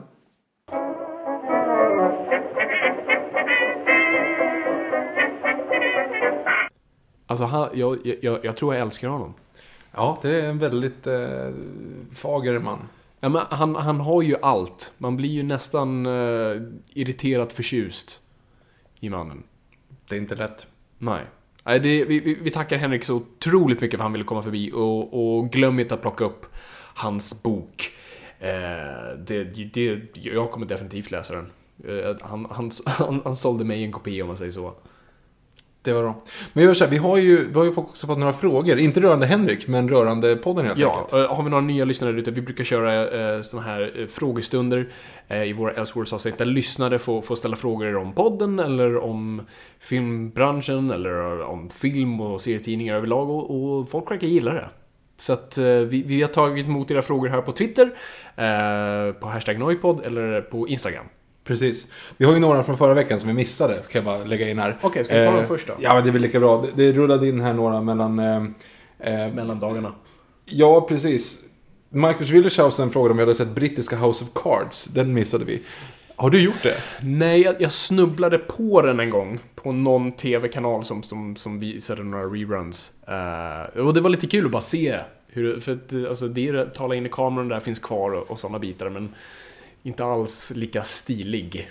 Eh, och jag tror, alltså, den är väl som med alla brittiska grejer, det är för så här, två säsonger tillsammans är det väl 12 avsnitt eller någonting. Plus en Christmas special som de alltid kör. Ja, precis. Jag vet inte om de gjorde det på den, men... Det gjorde de säkert, de gjorde det på allt. Ehm, så att den amerikanska House of Cards har ju gått en helt annan väg, kan man väl säga. Det är snart, det är snart dags igen Victor, det är snart dags för Jag vet, jag är skittaggad. Det kommer bli hur bra som helst. Det är typ den bästa serien som finns just nu, så att jag har Ja, inte... nej, jag håller helt med dig. Ja, vi går på Twitter. Ja, det, det, var, det var frågan vi missade, eller? Ja, det var den jag missade. Alright. Eh, här är då frågor på Twitter. Då har vi at Amnehagen. Vad har ni för mikrofoner? Vi Eh, rullar, vi kör Zoom. Vi kör Zoom, tar det till en singular. Vi har en mikrofon som vi delar på för tillfället. Därför vi sitter så nära varandra och låter så intimt. Ja, precis. Din Zoom, eh, alltså den heter Zoom, Z-O-O-M. Jag vet inte vilken modell det här är. Nej, jag vet inte riktigt jag tror Du, en H4N står det här. De är jättebra, vi älskar dem. du får eh, gå in på vårt eh, Instagram-konto och kolla på några bilder där, för där ligger den säkert med i någon bild. Det tror jag säkert. Eh, absolut så. Ja, det, det är det vi har. Uh, at Emilovic 1337. Vad har Viktor att säga om Djurgårdens premiär? Ja, det, var, det har varit match nu Viktor va? Det är ju det är väl kul? Det, det, de spelar boll och folk vi- vinner. Hur har det gått? Hur går det för Djurgården? Hade du några mer frågor? Nej, Det gick inte så bra. Eh, det var jättebra tryck på läktaren, alla var trevliga. Eh, spelet på plan, not so much. Men vi kommer igen. och vad, Kim Andersson eller vad heter han som, som var tillbaka? Var Källström. Källström. Ja. Han var bra. var han bra? Ja, ja. Gjorde han mål? Nej. Nej, ingen i Djurgården gjorde mål. Det... Sirius gjorde två mål däremot, så det gick ju inte så bra. Är det då som att de inte riktigt gör sitt jobb när de inte gör mål? Kan man säga så? Nej, det kan man inte riktigt säga, för alla gör ju inte alltid mål. I så fall skulle Inte ju alla... allas mål att göra mål. Nej, jag skulle inte säga att målvaktens mål är att göra mål. Inte mittbackarnas heller. Det är främst anfallarnas mål att göra mål. Eller i alla fall delta i spelet så att någon gör mål. Har en målvakt någonsin gjort ett mål Ja. utan att det är en straff? Nej, ja. Hörnor, gått upp på hörnor och dragit in. Jag tror David James drog in någon, någon eh, typ utspark eller någon sån här grej. Att de, de såg att de varit ute. Blir inte det offside då? Om, om... Jag förstår fortfarande inte offside. Alltså, det vet, spelar, det spelar har ingen roll hur... väldigt, väldigt många gånger faktiskt. Och jag förstår fortfarande inte vad det handlar om. Eh, och du, du, vi går på en fotbollsmatch igen. Ja, Och så får du dra det för mig. ja. Och så får vi... Vi får, göra någon, vi får göra någon grej av det. Jag vet inte, ska vi filma det? Se, eh, hör av er på hashtag Nollpodd om ni vill att vi gör något. Ja, alltså, jag, säger så här, jag behöver hjälp av er där ute på Hashtag Målpodd. För att Fabian, jag har försökt. Jag har verkligen försökt. Att få dig att eh, hänga med i fotbollen. Nu kan vi bara dra den här. Hur många gånger, det är varenda Comic Con hittills. Har du fått frågan att eh, nämna en spelare i svenska landslaget förutom Zlatan. Du har misslyckats två år i rad. Jag vet. Det är, det är ändå ganska bra gjort liksom. Och jag vill ju inte ens ställa frågan nu för du... Nej, snälla, gör inte. För du hade, nu har, det är ändå ett halvår sedan du fick frågan senast. För Kim Källström inte... Kim Källström har lagt av. Ja, nej, jag tror inte att du kan honom, eller hur? Nej. Du sa ju ändå en person då. Jag vet, men det var för att jag fick bokstäver kastade till mig från publiken och fick stava det åt mig. Inte lätt. Vi börjar på A. Anders Andersson. Eh, Nej. Anders A. Andersson. Nej, nej. Vi, Okej, vi, vi tar, lämnar vi det. lämnar det tror jag. Men ni får gärna höra av er hur vi ska få Fabian intresserad av fotboll. För det är väldigt svårt så här när man inte är indoktrinerad i det. Mm. Om, om, om, det, om det involverar cosplay eller någonting, att de springer runt som just, Justice League mot Avengers. Ah, kan, snälla kan inte någon arrangera det här? Vi gör det för charity. Du har ju, du har ju kontakter inom fotbollen säkert. Du, du kan ju anordna upp någonting. Jag ska se vad jag kan göra. Däremot så har ju eh, Monty Python gjort en ganska bra när det blev eh, Västtyskland mot eh, Grekland. Eller Tyskland mot Grekland. Okej, nej. eh, Har du inte sett den sketchen? Nej. Det är en fotbollsmatch och så är det ju liksom, då rabblar de upp, då, då, det är Tyskland mot, mot Grekland. Eh, och, sen är det, och så rabblar de upp så här startelvan och då är det ju liksom så här Freud. Alltså det är bara så här filosofer. Ja, just det. Jo, och jo, så i den är Grekland så är det ju Platon och, och Sokrates och alla de där. Och då är det ju i... Eh, i Tyskland så rabblar de bara, jag kommer inte ihåg, Nietzsche, Mm. Freud och så Franz Beckenbauer. Så här, och så, så här, men det var lite konstigt. Och sen bara vidare med bara liksom, så här, fortsätta. Och så är det Eh, väl Eureka och så gör de. Ja, precis. När de står och funderar. Så här, de Mm, just blåser av och så börjar alla gå omkring och Ja, fundera. just det. Ja, just det. Ja, den är jättebra. Eh, ja, vi går vidare. At Anton M. Karlsson. Hur länge läste du filmvetenskap? Vad tycker du om hur filmvetenskap är utformat? För och nackdelar? Hmm. Alltså, Den är till dig, antar jag? ja, den är till mig. Ja, jag läste filmvetenskap eh, på Stockholms universitet. Det var mest för att dra ut på tiden. Eh, det, Hoppla. Ja men det var och det är ingenting att säga emot eh, filmvetenskap. Det kommer jag in på. Det, här- det var bara min inställning att gå in där för att jag, jag visste inte riktigt vad jag skulle göra. Eh, Och jag hade sagt till mig själv hela tiden att jag inte skulle läsa filmvetenskap för jag tyckte det var för töntar. Och som jag tyckte då, som jag också, alltså, som vi sa, alltså, du blir ju inte om du vill göra film, du blir inte bättre på att göra filmer, för du, lär dig inte göra film där. Eh, men sen när jag gick det, jag blev positivt överraskad. Alltså, nummer ett, i alla fall på Stockholms universitet. Varje morgon så fick man gå upp liksom, klockan åtta, sätta sig i en biograf och se någonting på 35 mm. Bara det är så här. Så, klart. Perfekt. Och det finansierades alltså med skattepengar att du skulle få titta på bio varje morgon. Jag vet. Det är ju oetiskt, men okej, bortsett från det. Okej.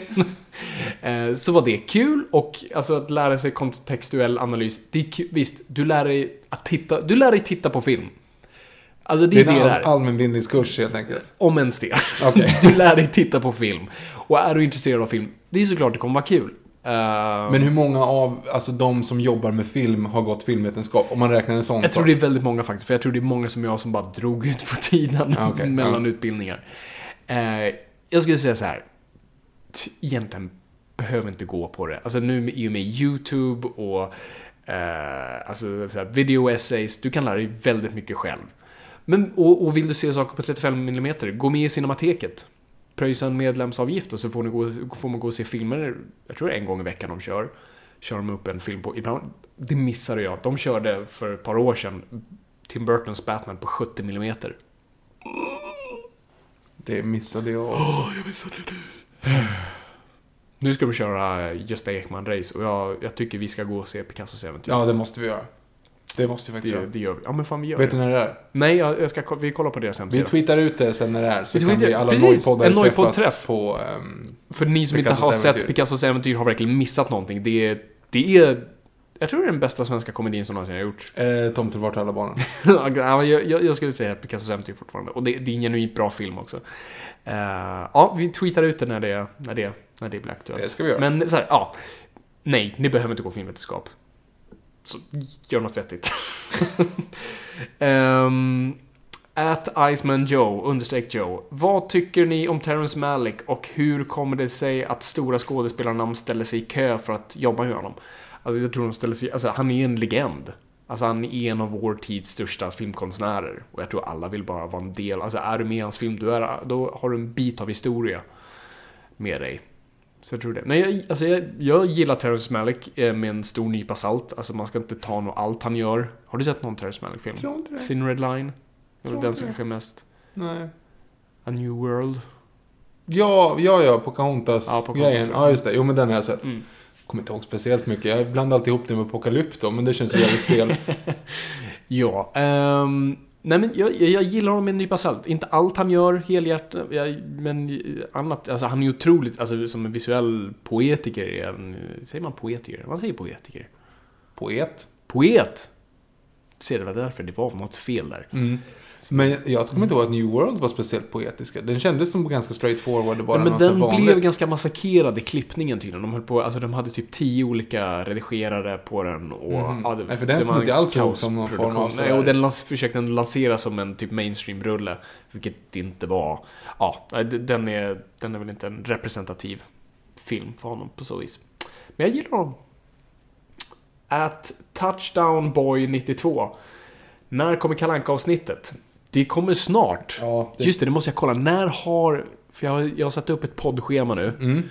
eh, För det närmsta halv, halvåret. eh, Gandalf. Gandalf. Eh, halvåret. Och där... När, när har DuckTales, DuckTales premiär på Netflix? Det är då vi tänkte göra det. Jag vet inte. Det måste jag kolla upp, för då måste jag klämma in det. Eh, Det är då vi har tänkt att göra det. Mm. Men det är ett jävligt tjockt schema, för jag satt och, jag, jag satt och gjorde upp schemat för att säga, ah shit, vi, jag måste verkligen lista ut vad vi ska göra, för jag måste, måste nu komma på ämnen. Och så kollar jag bara bio och tv-schemat och bara, fuck. Och ibland dyker det upp saker som gör att vi eh, ändrar schemat. Till exempel kommer det bli så nästa vecka. Ja, precis. Eh, Power Rangers utgår ju, om man säger så. Ja, precis. Vi kan bara ta nu. Eh, sorgligt nog så gick Gösta Ekman bort i veckan. Eh, 77 år gammal. En liksom svensk klenod. Eh, och ni lyssnare har ju bett oss att göra ett Jönssonligan-avsnitt och sådana där. Så vi tänkte att det är nu vi ska göra det. Det är nu det kommer. Så nu kör vi Jönssonligan nästa vecka. Och eh, så ladda på. Har ni varje Seymour har alla filmer. Simon har alla Jönssonligan, inklusive de två första Lilla Jönssonligan, vilket är guld. Yes. Eh, så de kan ni se där, annars går det ju att köpa boxen vet jag fortfarande. De finns på Discop och jag tror CD-ON, så där kan man beställa hem. Så att ladda på med, med, med Jönssonligan helt enkelt. Yes, det kommer nästa vecka. Yes. Uh, at Sebasa G. Favoritregissör? Frågetecken. Viktor? Men det här har jag fått förut. Jag är Ja, lite fått, eh, osäker. Alltså jag vet liksom inte riktigt. Det, det är ju svårt. Peter Jackson. Ja men nu är det typ Peter Jackson. Man har suttit och kollat på extra materialet på de här filmerna. Ja, ja. Även fast jag inte sett, ens sett Lovely Bones och jag tyckte att Hobbit-serien var för jobbig. Mm. Alltså enbart hanterat på att han är en sån superfanboy och så genuint intresserad av film. Så skulle jag säga att Peter Jackson mellan 97 och 2006 kanske. Mm. Det är favoritregissören. Men sen så hände inte så mycket mer. Ja, för mig är det alltid sådär, det är de som står alltid och, och gnider sig mot varandra. Det är eh, Hitchcock och Kubrick. Det är, det är mästarna. Okej, Kubrick har gjort bättre film än Peter Jackson. det finns inget snack om saker. Jo, jo, men alltså, det har inte med det att göra. Så det behöver inte alltid vara vem som gör bäst filmer. Eh, definitivt. Utan alltså, filmer som talar till dig. Kan det ju också vara. Eller en, en regissör vars intentioner du beundrar. Och visioner. Så att, det behöver absolut inte vara. Nej, nej men eh, återigen, titta på extra materialet till King Kong från 2005. Mm. Så kommer Ja, du jag, förstå vad jag ja, menar. det, är, det är helt sjukt. Vi, jag såg den först och sen bara gav dig det. Jag bara, du, du måste nu titta på den stat. Och framförallt då under den här designprocessen när de ska designa Kong. När de håller på i typ...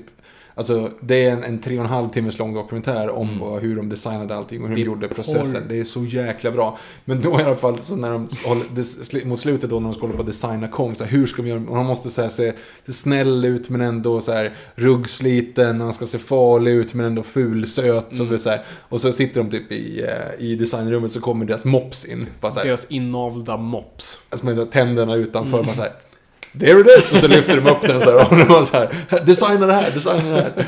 Ja, det är helt underbart. Ja, nej gud vad kul. Ja, nej men det är ett jättebra, alltså jag typ grät till extra materialet. Ja, vilket är helt sjukt. Faktiskt. Eh, och Sagan om ringen, det extra materialet har jag ju sett flera gånger. Ja, men det är Sagan det om som var så kul, för jag hade inte sett... Alltså jag hade, det var ju nu till King Kong jag såg det här extra materialet, så- för jag köpte ju då Extended Edition. Eh, och det var som att komma hem. Mm. Det var verkligen som att komma hem. Och det, det jag alltid tyckte var så roligt att alla var lite snyggare på de här extra materialen. Så alla var lite rikare, lite vitare tänder och... Richard Taylor. Richard Taylor. Till och med Alan Lee var ju lite uppstyrd. Ja, jag var förvånad att han fortfarande ändå fick vara med. Det var lite kul. Jag var lite Ja, de, glad. gjorde, de designade väl Skull Island tror jag. Ja, precis. Men det är ändå så här. Mm. De var ju 100% Lord of the Rings personer. Mm. Eh, han och, vad heter den andra killen? Uh, jag kommer inte ihåg det. Jag tänkte säga Alan Moore, men det är absolut inte. Det är inte, han ser ut som Alan Moore. Ja, jo. Men eh, nej, jag kommer inte ihåg. Skriker säkert folk i Mm. lurarna. Sorry. Vi går vidare. Eh, vilken är den... Oh, förlåt. Det här är från uh, at Mikael Blom 90. Vilken är den bäst regisserade Spielberg-filmen? Schindler's list. Nej, jag skulle säga, jag säger Jaws. Alltså med tanke vad han hade att jobba med och det han får ut från den filmen är helt otroligt. Också hur, där också han, där mixade han helt perfekt spektakel och drama. Alltså de, alla skådespelarna är på topp. Ja, ja, Och scenerna är jag så perfekt Jag, välfångade. tänker, alltså, jag, jag är med. Eh, Schindler's list skulle jag säga är, alltså det är ju sånt benhårt skådespeleri genom den. Det, det är ju lite shady i många av hans filmer, men han verkar Mm. inte, han gör ju mer själva underhållningen än att det faktiskt ska vara liksom draman. Jag har Mm. inte, jag vet inte fasiken alltså. Munich har jag inte sett. Det kanske skulle vara någon liknande sån typ av lite tyngre dramer han faktiskt Mm. gör ibland. Ja, kanske. Minority Report skulle absolut vara uppe där. Ja, fast Jag samtidigt... det- älskar Minority Ja, jag Report. älskar också Minority Report, men jag kommer inte ihåg liksom just att det var så här, att den är väl regisserad. Bridget Spice var det. Alltså du kan inte snacka, om bort eh, Mark Ruffalo, jag tänkte säga. Vad heter han? Åh gud, han lilla, blonda, uppåt näsa. Äh, skitsamma. Mark Rylance? Ja, precis. Han har inte uppåt näsa är blond, men eh, jag förstår vad du menar. Urroll. Yes. Um, Okej, så vad var ditt... Ja, du sa Schindler's list. Jag säger Schindler's Mm. list. At Masterpagen, Mästerpågen Nästa antagligen. fråga. Eh, Går med fotboll igen. Fabian, Ah, det är alltså jag. Eh, vad är det du gillar med James Bond? Eller kanske snarare, varför gillar du Bond? Först skulle jag säga, gå och lyssna på våra James Bond-avsnitt. Jag drar en ganska lång, utförlig förklaring på det. Jag kan bara dra ihop det lite snabbt. Jag gillar en karaktär som har full kontroll på, på en situation. eh, i, i de flesta situationer. Men jag gillar också den här väldigt polerade, perfekta personen som har ett sånt otroligt trasigt inre. Eh, han, han är en sån enorm obalans till karaktär. Och det ger en enorm komplexitet. Och det är det som är så, det, och det är så, jag tycker det är så otroligt med karaktärer som fungerar i 23 filmer, eh, 24 filmer. Eh, och fortfarande intressant, utan att vi vet särskilt mycket om honom. Och det tycker jag är inte så här, okej, okay, det tyder på en karaktär som gör någonting. Ehm, det är det jag tyckte var så bra, ännu en gång, med Spectre. Den, den scenen som nästan, den mest bondiga scenen någonsin är när han sitter själv eh, på L'Americaine när eh, Miss Swan sover och han bara sitter och dricker sig packad och sitter med pistol och riktar mot en mus. det är som perfekt, det är Bond för mig. Ja, annars har du ju också den scenen i, um, i Moonraker där när han kommer ut Dr. Goodhead. A woman. Jag skojade. Eh, för Roger Moore tog inte riktigt den, eh, den karaktären till sig på det sättet. Nej, nej exakt. Han var alltid i ständig obalans. Antingen i de tidiga filmerna var ju manusen väldigt Connery, han slog kvinnor och såg enormt obekväm ut och i det. Och knuffade ner små barn i, flod, i en jättetät trafikerad flod i, i, Thailand. När, ja, precis. När, när Unicef-ambassadör dessutom. Och sen blev det bara Pigeon double take. Say no more, say no more. Uh, Mästerpågen fortsätter. Ja, det här är till dig Viktor. Uh, hur tror Viktor uh, det går för Diff i år? Hoppas det går bra och lycka till i kampen om andra platsen. Mm. Ja, alltså... Det är ju ändå bara första matchen Viktor. Det kan ja, ju bara vet, gå uppåt härifrån. Men jag, har, jag får ju alltid såna här grejer. Jag får ju alltid hybris inför säsongerna. och så går det åt helskott och så sitter man där och kommer det, det är sån... 2000... Vänta nu, jag måste tänka. 2007 måste det ha varit. Mm. Jag hade hade vunnit två år innan. Vi hade liksom gjort värvningar som man trodde att nej men nu jäklar händer det. Ny tränare för säsongen, hade kommit sex året innan. Som ändå så men nu har vi revanschlusta. Skulle möta nykomlingen Brommapojkarna i premiären. Kom ihåg att det var liksom, det här blir bara överkörning. Mm -hmm. Kom dit och var, hade bröstat upp sig ordentligt. Joakim Runnemo, sjätte minuten, 1-0. Resultatet stod sig. Det var hemskt. det var typ som nu i måndags. Ja. Det är samma grej. Okay. Sirius. Två mål. Men tyder inte det här på äkta kärlek Bejmo gick ju bort sig båda gångerna. Och killen 19. Varför startar vi med honom? Han har varit här i tre dagar. Någon som sviker en och man älskar en fortfarande. Eller är det bara ett destruktivt förhållande? Det, kanske inte det. det här är kanske anti-kärlek. Nej, det absolut... Djurgården är en dålig pojkvän. Nej, men absolut bästa perioden att vara fotbollsfan. Det är... Eh, ja, för en vecka sedan. Du ser när premiären är... innan det börjar. Precis innan premiären, när man fortfarande det har kan liksom... bara gå bra. Ja. Ja. Nu jäklar, och så blir man taggad och så. Jag, jag gjorde ju felet, jag, jag kom in till Göteborg nu på söndag för att se Häcken-Djurgården också. Åkte du ner till Göteborg? Jag ska dit på söndag. Jaha. Eh, för att se första bortamatchen Ska du bara dit för att se en match? Ja, jag åker åtta på morgonen och kommer hem typ tolv på kvällen. Men jag ska oh, ju dit för att se första så här, bortapremiären. Det är ju en jättegrej. Okej. Okay. Vi kommer ju förlora. jag, jag kommer ihåg, en av de absolut värsta fotbollsminnena dessutom, utöver eh, Brommapojkarna hemma 2007. Mm -hmm. Och borta, för vi torskade borta också i sista matchen. Eh, då är eh, eh Djurgården-Häcken, måste vara typ 2011 eller 2012. Det pissregnade. Vi hade ändå liksom någonting sådär på, på eh, uppåt i tabellen, liksom lite häng. Det pissregnade, Häcken hade kommit med sju supportrar. Det var sju personer i klacken. Mm. Och satt på stadion, hamnade utan tak. Så jag satt liksom ute på träbänkar i regn. Djurgården torskade med 3-0. Och i halvtid, då orkade inte ens Häckensupportrarna gå ut. Så det var bara två som stod kvar på läktaren. För de andra stod in under tak, som ville inte bli blöta. Och ändå så vann de med 3-0 och delade på en taxi hem. Alltså nej, usch. Det kommer inte gå något bra på söndag. Vad kostar ett säsongkort? Mm, det beror på vart du ska stå. Okay. 12, jag vill stå bredvid 12, dig. 12-1300 i klacken och typ 3000 på sittplats. Nej, glöm det. Ja, jag tror inte att du är rätt i örat. Jag tänkte så här, men kanske, kanske är det jag ska göra. Jag kanske ska investera ett kort så att jag måste gå. Det tror jag inte att du ska göra. Vi löser det på bättre sätt. Varför ska jag inte göra det? det, väl, det... För att, alltså, under sommaren, ska du åka hem från landstället så här varannan söndag för att kolla på fotboll? Nej, det tror jag inte. Ah, okej. Okay. då, då går vi vidare. Eh, att Iceman Joe frågar igen här, kommer tillbaks. Eh, hur många manuskript har du skrivit? Jag tror han frågar mig. Eh, och om ni fick välja, vilket djur skulle ni vara? Utter. Utter. Samt har ni besökt Soda Nation på Södermalm. Uh, vet inte vad Soda Nation är, så nej. Inte jag heller. Uh, utter är ett väldigt bra svar. Utter, är, det är det enda djuret man, man ska vara. De är ju så harmoniska. Ja. De bara ligger och håller i hand. That's it. That's it. De kan flyta och hålla varandra i handen. Och de är jättemjuka, kan simma, äter fisk, mycket omega-3. Fisk är nyttigt. Inte Östersjöfisk dock, det är så mycket... Ja, men de Eh, lever inte i Östersjön. Ja, visst det. Va? Finns det uttrar i Ja, Östersjön? det gör det. Eller?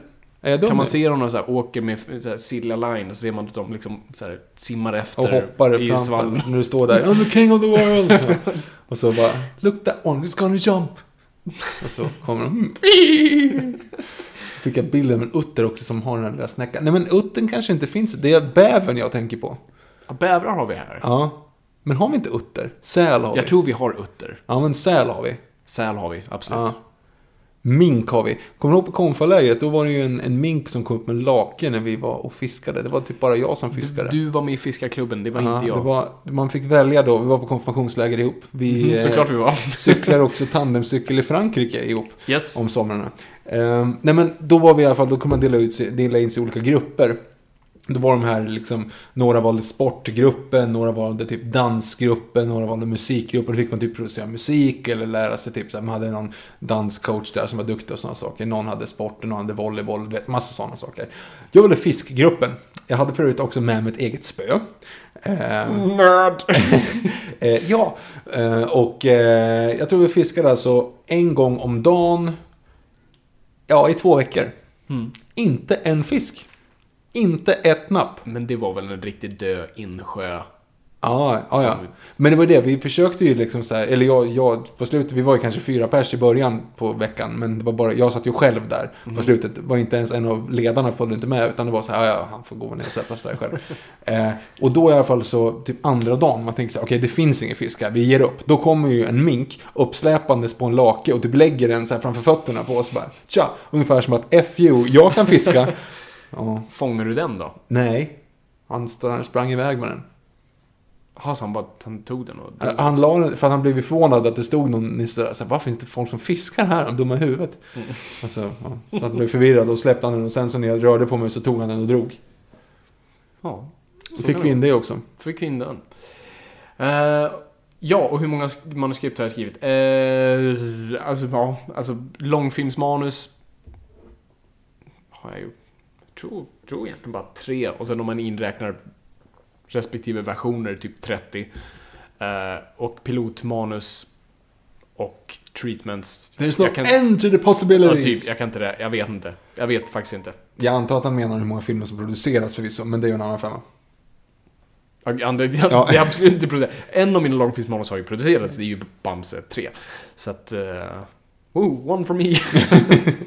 Ja, Men det är ju så, alltså det, det är ju... Det är ju, alltså, det är ju ni som är aspirerande manusfattare slash författare. Alltså det kommer ju ta många försök innan... Alltså tusen försök innan någonting ens blir av. Men det ska inte alls skräm- avskrämma er från att skriva, för ni måste skriva. För annars så kommer det inte bli bra. Så är det bara. Lyssna på farbror Fabian. Lyssna farbror Fabian. Fast synd att inte du har en bror. Alltså, för farbror Fabian låter ju fantastiskt. Farbror Fabian. Ja, det är Ja. sant. Fast jag har ju en syster, kan man inte Ja, säga. men Nej, morbror istället för- Fabian. Nej, det låter Det är jättedåligt. väldigt svårt att bli För då farbror. låter det mormor Fabian. Nej, det blir fel. Nej, morbror. fa- nej. Jag tänker, om jag får ett systerbarn, då ska jag, säg bara farbror. Gå på det. Fast det blir ju fel. Jag vet att det blir fel, men gå på det ändå. Mm. Mm. Nej, du får fundera på den. Det är alltid kul, det säger jag alltid till min farbror. Farbror? Alltså det är väldigt kul Mm. och... Morbror, det låter inte lika Nej, det roligt. låter inte kul. Ja, det, det går ju. Det kan ju. Du kan ju jobba på det. Vi kan försöka jobba på det, yes. Eh, och sen har vi sista här då på Twitter. At W Skovlund. Vilka karaktärer går efter an eye for an eye, likt The Punisher? Cap verkar ju vara okej med att döda i MCU till exempel. Hur många fler finns det? Åh gud. Det finns väl många. Men det är väl återigen bara till Batman som inte mördar. Ja. De andra gör ju det. De andra gör, eller vadå? Alla mördar inte. Eller mördare att ta i, men död, död. Självförsvar. Ja, ska vi gå, ska vi gå över på eh, frågorna ni ställde till oss på Instagram på hashtag Noipod. Eh, fort. Då ska vi se.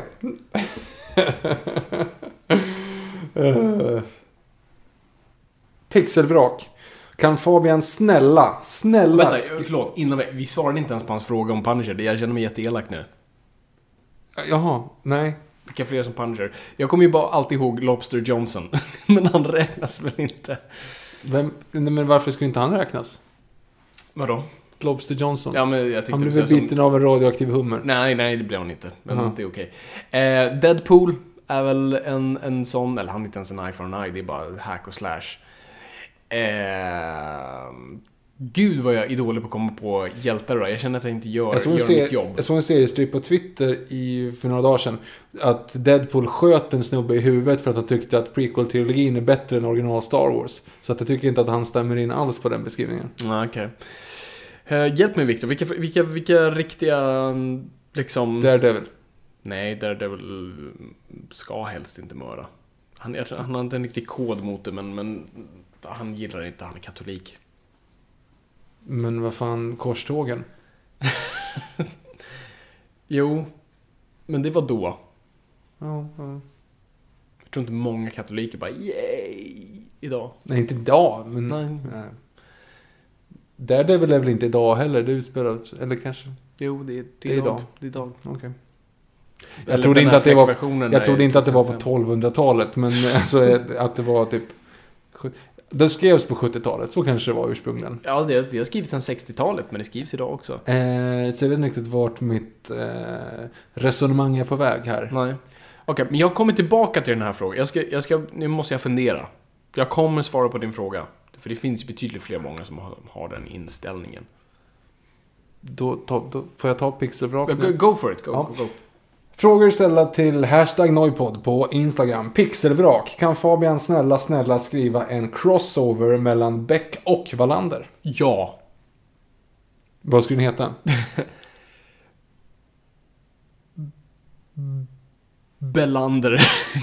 Sämsta spontana reaktion någonsin. Men, eh, nej, men ofta, de har ju en sån här, eh, de har ju oftast alltså en, en beskrivande, oftast bara ett ord. Mm. I bestämd form. Gamen.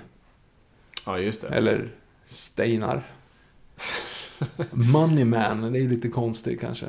Spår i mörker. Crossovera spår i mörker med Oh. Wallander. Ja. Eftersom de inte har någon eh, tunnelbana i Ystad blir det lite problem. De kan ju gå omkring och typ eh, döda folk på, i, i mörkret på lokalbussarna. Mm. Leva under bussarna och... Jag säger bara Beck vs Wallander. Ja men den är bra. De måste Dawn of Justice. varandra. Ja. Beck vs. Men Wallander. alltså jag Dawn skulle säga, om, om, om det någonsin skulle komma, komma upp på kartan med att eh, göra en sån film, jag skulle vara först i ledet bara, ja, ja, Nej, snälla. men Eller så bara skriva den och skicka in den innan de ens har liksom, hunnit fundera på. Men jag om det, Det alltså, måste innefatta en bare knuckle fight mellan Peter Haber och eh, Christer Henriksson. Christer Henriksson. Ja, det lär inte vara så himla sexigt att kolla på alltså. Peter Haber? Två 65-åringar som, ja, ja, Peter Haber är alltid sexig att kolla på, men jag tänker i slagsmål med Ja, inte. Christer Henriksson. M-Kvist Media. Hade ni velat se ett Game of Thrones i Sverige baserat på svensk historia men med en fantasy-twist? Exempel Gustav Vasa med häxor och jättar. Vilka nordiska skådespelare hade funkat? Eh, ett, ja, ja, ja tack. eh, annars har du ju Gustav Vasa. Det är en ganska intressant eh, person att personifiera, eller att porträttera. Jag vet Ja. att Johan Rheborg har gjort en ganska bra Gustav Vasa i Nisse Hult. Ja, vänta, vad fan var det? Vet ni, med Johan Glans. Johan Glans Mm, åkte det, omkring just och det, bara det. var en karaktär i massa olika tidsepoker. Några var jätteroliga, några var åh gud, vem fan har skrivit det här? Eh, men då var det en ganska rolig grej då med Gustav Vasa, för han gjorde en ganska bra Gustav Vasa i den. Mm.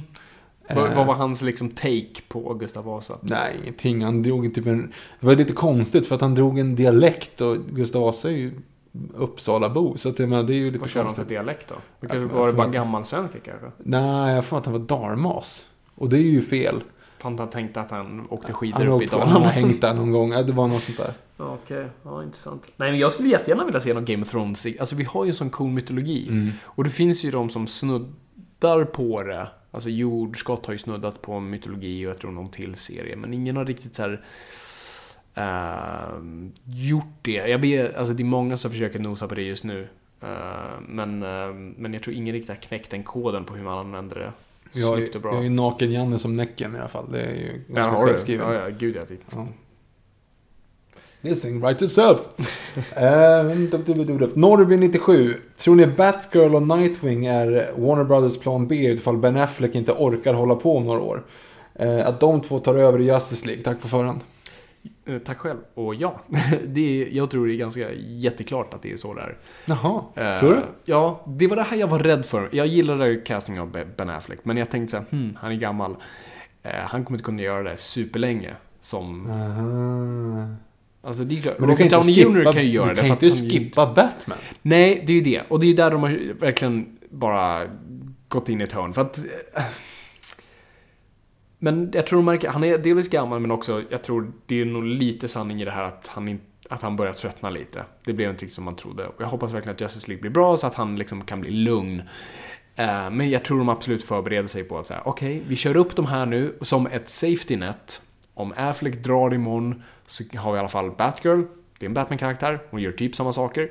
Eh, Nightwing, ja men han har ju fan i serietidningarna tagit över Batman-rollen så vi kan bara sätta en ny person. Så att jag tror absolut, det här är bara en försäkring. Och det- Intressant. ja, alltså samtidigt, jag är jätteglad, eller vi har säkert fått en fråga om det, men jag är jätteglad för en Batgirl-film, så det det är ju såklart. Men jag, jag vill ju alltid också ha en Bruce Wayne i universumet. Men, jaha. Ja, det var ju... Men, Vad tänker men vadå? Jag, tänk- jag tänkte bara utifrån... Men hur många kontrakt, alltså hur många filmer har han kontrakt på? Han kan väl inte bara skippa det för att han inte vill? Nej, absolut, han har väl lite Han kan ju kontrakt sluta träna möjligtvis då bara, för att det inte kommer i direkten. Med liksom. ölmage. Shoot me now. eh, ja, jag vet inte, men jag vet inte vad hans kontrakt är. Mm. Det, det brukar vara faktiskt ganska öppet med det. Men jag tror säkert att han, han har nog avtal på en eller två Justice League-filmer och en Batman Solo. solo. Och sen Hur går det med Batman-solon? Ja, jag vet inte. Det, alltså, det kommer massa konstiga rapporter hela tiden. Så här, nu ska de skriva om manuset igen. Nu har de tagit in en ny producent. Eh, Kommer du att börja smöra för Justice League-filmen även om du inte tycker att den är bra? Bara för att behålla Ja, bara för? jag, kommer vara 100% ärlig i den här podden, men jag kommer tweeta Ben Affleck. Jag bara, I loved it, loved it, loved it, loved it. Ungefär som de gör med Suicide Squad. Eh, Nico understreck J88. Vilka Batman-skurkar skulle ni vilja se på film som ännu inte blivit adapterade? Själv hade jag varit sugen på The Ventriloquist? The Ven... Ven... Ventriloquist, oh shit. Eh, ventriloquist, säger man väl. Han ja. Hugo Strange, Mad Hatter och Clayface hade gärna också sett nya och mer trogna tolkningar av The Penguin och The Riddler. Mm. Alltså, The Riddler har vi inte haft, jo det har vi visst haft den. Men inte en ny Nej, tolkning liksom. Batman, Batman Returns. Det- Den är inte ny längre, den är 20 år gammal. Ja. Ehm, ja, så Riddler vore nice. Uh, alltså jag skulle vilja se något som Hush. Uh, vi pratar om of Owls. Uh, jag vill också ha Hugo Strange. Det vore coolt. The Mad Hatter. Det var det han föreslog. Ja, no, det, Mm. det är ett bra och förslag. Clayface. Clayface känns ju lite sådär, det känns lite tecknat. Som, om du säger jag, Det blir väldigt CG, alltså det är Ja. oundvikligt. jag, jag sa nu tecknat som om det var en negativ sak, det vet jag inte riktigt varför Mm. jag menar, men, men det blir väldigt CG. Det blir lite Terminator 3, right? 3. Terminator 3. Terminator 3, Rise of the Machines. Jag tänker, i värsta fall så blir Spider-Man 3 Just det. med Sandman. Ja. Just det. Det, för det finns bara så mycket man kan göra med en person som kan forma sig själv. Ja. Möjligtvis Den då filmen- när, den onda, när den onda personen ramlar och slår huvudet i eh, avföring och vi alla vänder oss om och skrattar. Klara. Klara. Bahahaha. Djungelhjort igen. Japp. Jag bara kommer att tänka på Spider-Man 3. Den är pissdålig, men den där scenen med Sandman, när han blir Sandman, är fantastisk. Ja, Han förut, bildar sig själv. ja, förutom att det är ett misslyckat experiment igen. Jag vet. Och bara... Hmm, det är något fel på det här superdyra experimentet vi precis ska göra. Äh, det är nog fåglar. Gör ändå. Varför gör de det överhuvudtaget uppe för öppen himmel i så fall? Väldigt bra fråga. Ja, Väldigt bra fråga. det kan vi ju fundera på. Emil med 25. Vad tror ni om den där Venom-filmen? Som är utanför MCU, inom parentes. PS, tack för en superpodd. Ja, jag tror jag gissade i förra avsnittet att det inte skulle vara det. Och det visar sig vara det nu. Och jag förstår inte vad de pysslar med där borta. Jävla Sony suger. Men de har ju gjort Old Man Logan precis. Det är Fox. Det är Fox. Jag tar tillbaka allting jag precis sa. Det här är Sony. Och Sony vill så gärna ha tillbaka Spider-Man nu. Eh, men jag tror inte de vet hur de ska göra. Så bara, ah, okej, okay, R-rated fungerade, så vi gör nu en skräckfilm med Venom, för honom har vi. Uh, vi klarar oss utan Spider-Man. Tills vi får tillbaka honom. För nu hintar det som att de ska ta tillbaka honom efter Spider-Man Homecoming 2, eller vad tvåan kommer heta. Men då får de inte använda han Nederländerna. Vänta nu. Nu måste jag tänka vad du... Vad menar du med Nederländerna? Holland. Ja, ah. Det var ganska enkelt. Yes. Jo, det är klart de får använda honom. Alltså, det är deras karaktär. De har ju bara lånat det till... Jo, men de kommer inte använda honom. Alltså, menar, de kommer inte kunna använda... Jag vet inte. Jag tror de kanske kan det. Ja, det är klart. De kan ju göra en uh, Never Say Never. Ja, just det. Jag har precis tagit tillbaka Tobey Maguire som 45-åring. uh, det vore kul. Men de får ehm, inte använda snedluggen bara. Annars får man använda allting som är liksom... Precis. Och så måste de ha Rowan Atkinson som J. Jonah Jameson. Deep cuts nu. Ja. Nej, jag, jag, tror det är en jättedålig idé. Och bara Sony, lägg ner.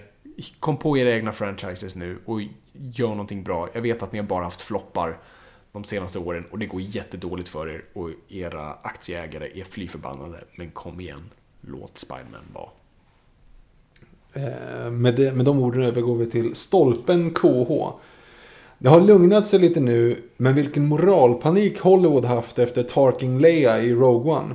Hur ställer ni er kring det där? Jag tycker inte att det är någon skillnad mot om man använder proteser slash sminkning för att efterlikna personer som man alltid gjort. Att sminkningen nu sker digitalt gör väl egentligen ingen skillnad, eller hur? Uh, jo, alltså när har man... Jag vet en gång de använt proteser av en annan skådis. Back to the Future 2. Back to the Future 2. och Crispin Glover stämde skiten ur Universal för ja, det. Ja, de gjorde och, Aliens... Alien 3 gjorde de ju också det. Ja, just det. Det visste han inte, mm. tror jag. Mm. Ja, nej, uh, fick en paycheck eller någonting. Um, att de använde hans ansikte. Men, uh, men Crispin Glover visste ingenting. Uh, och då var de tvungna att sätta en lag på det i då Screen Actors Guild om att man får absolut inte göra sådär. Så att nej, alltså jag kan inte komma på ett exempel då det har hänt om man sådär... Jo men vadå? Naha, Carrie naha. Fisher levde ju fortfarande när de gjorde Leia. Ja. Nej, men alltså, så hon var ju okej okay Ja, ja, jag menar inte i det här, alltså...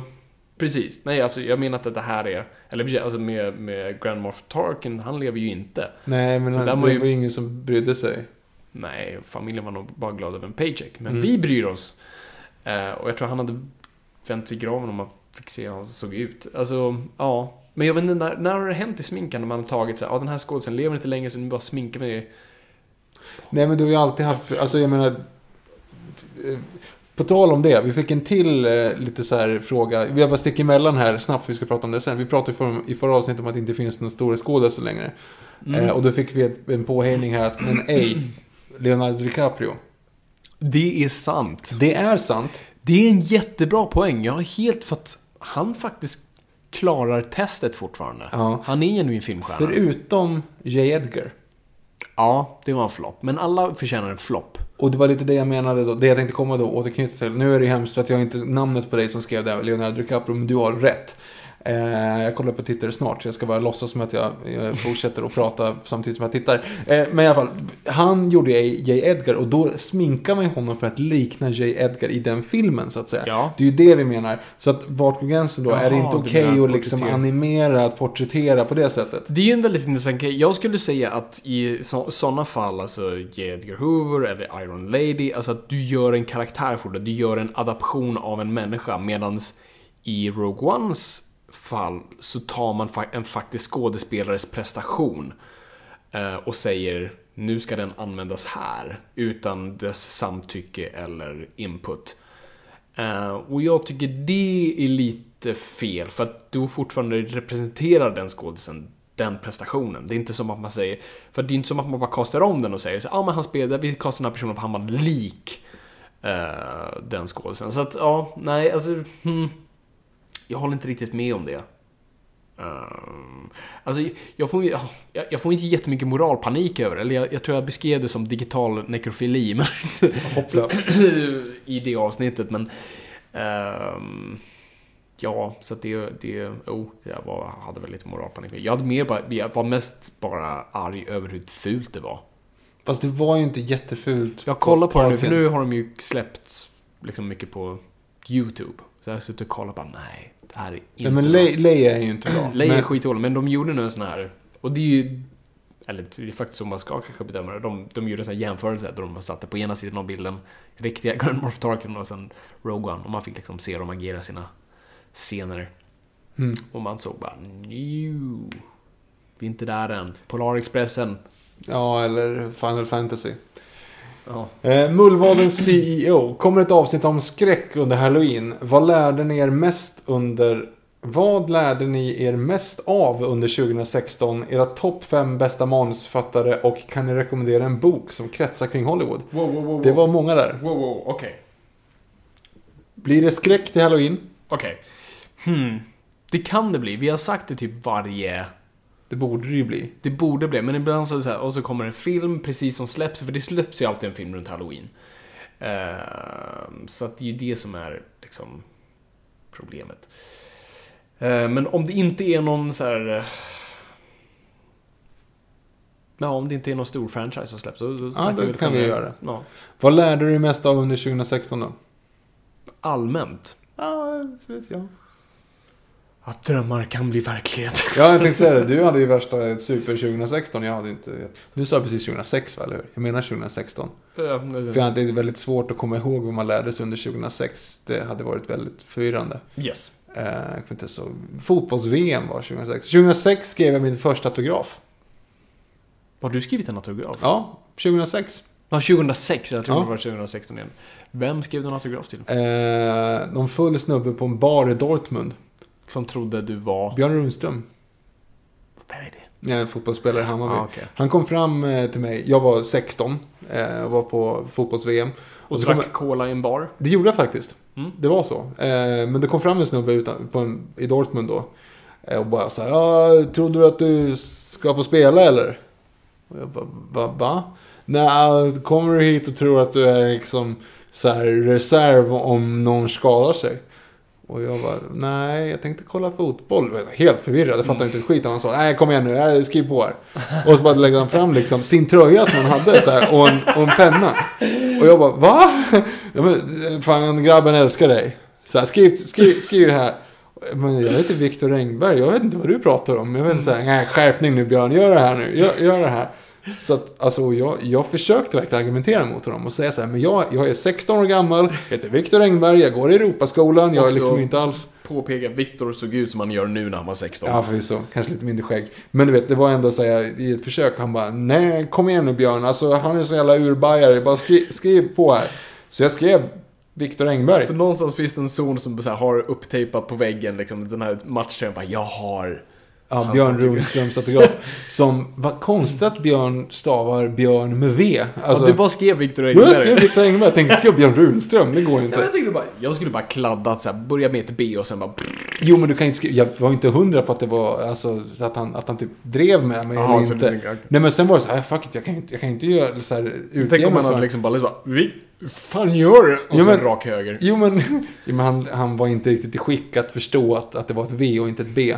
Okej, så att menar, det var ju ändå, men han var ju 100% säker. Så någonstans där ute, ni kanske lyssnar på den här podden. Om du fick en, om, om du fick en autograf av Björn Runström efter att din pappa träffade honom i Dortmund 2006, så ber jag om ursäkt. Hör av dig till hashtag Noipod. Får se Ja, tröjan. Ja. Yes. Och det var, något, det var fler frågor i den Topp frågan. fem bästa manusförfattare. Ja, men sånt där är alltid svårt. Uh, jag säger alltid Billy Wilder som högst och sen, sen blir jag lite luddig. Jag, jag, jag, jag vet inte. Vi får ta det i ett avsnitt. Vi har väl det i Vi vårt manusavsnitt. Jag måste lyssna, ju... om- lyssna om manusavsnittet så har vi det där. Annars får vi Det går, går att göra listor på personer på uh, Letterboxd. Letterboxd. Du kan ju göra listor på filmer och så kan du säga att de här personerna som har skrivit den här filmen. Ja, jag har gjort ett manus... Jag har gjort en manuslista som heter Mirakulösa manus. Påhittet. Uh, yes. Jag, jag, allting blev typ så här dubbelnamn med samma bokstav. Jag har skrivit in mig i ett hörn, så jag tror jag har slutat nu. Eh, så där har jag mina favoritmanus i alla fall. Och nu är jag helt blank. Då så.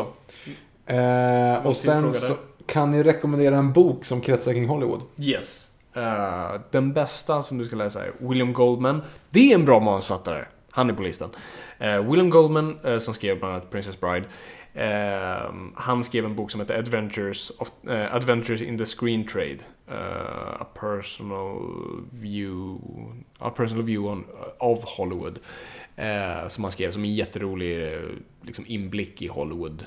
Nu, det är kanske inte up to date för den skrevs ju för många år sedan nu.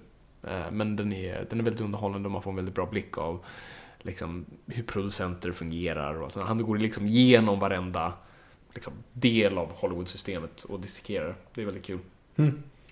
Nick DePrick. Vad tycker ni om Batman Gotham Knight? Det vill säga den lite annorlunda filmen med små sekvenser ur Batman slash Bruce liv.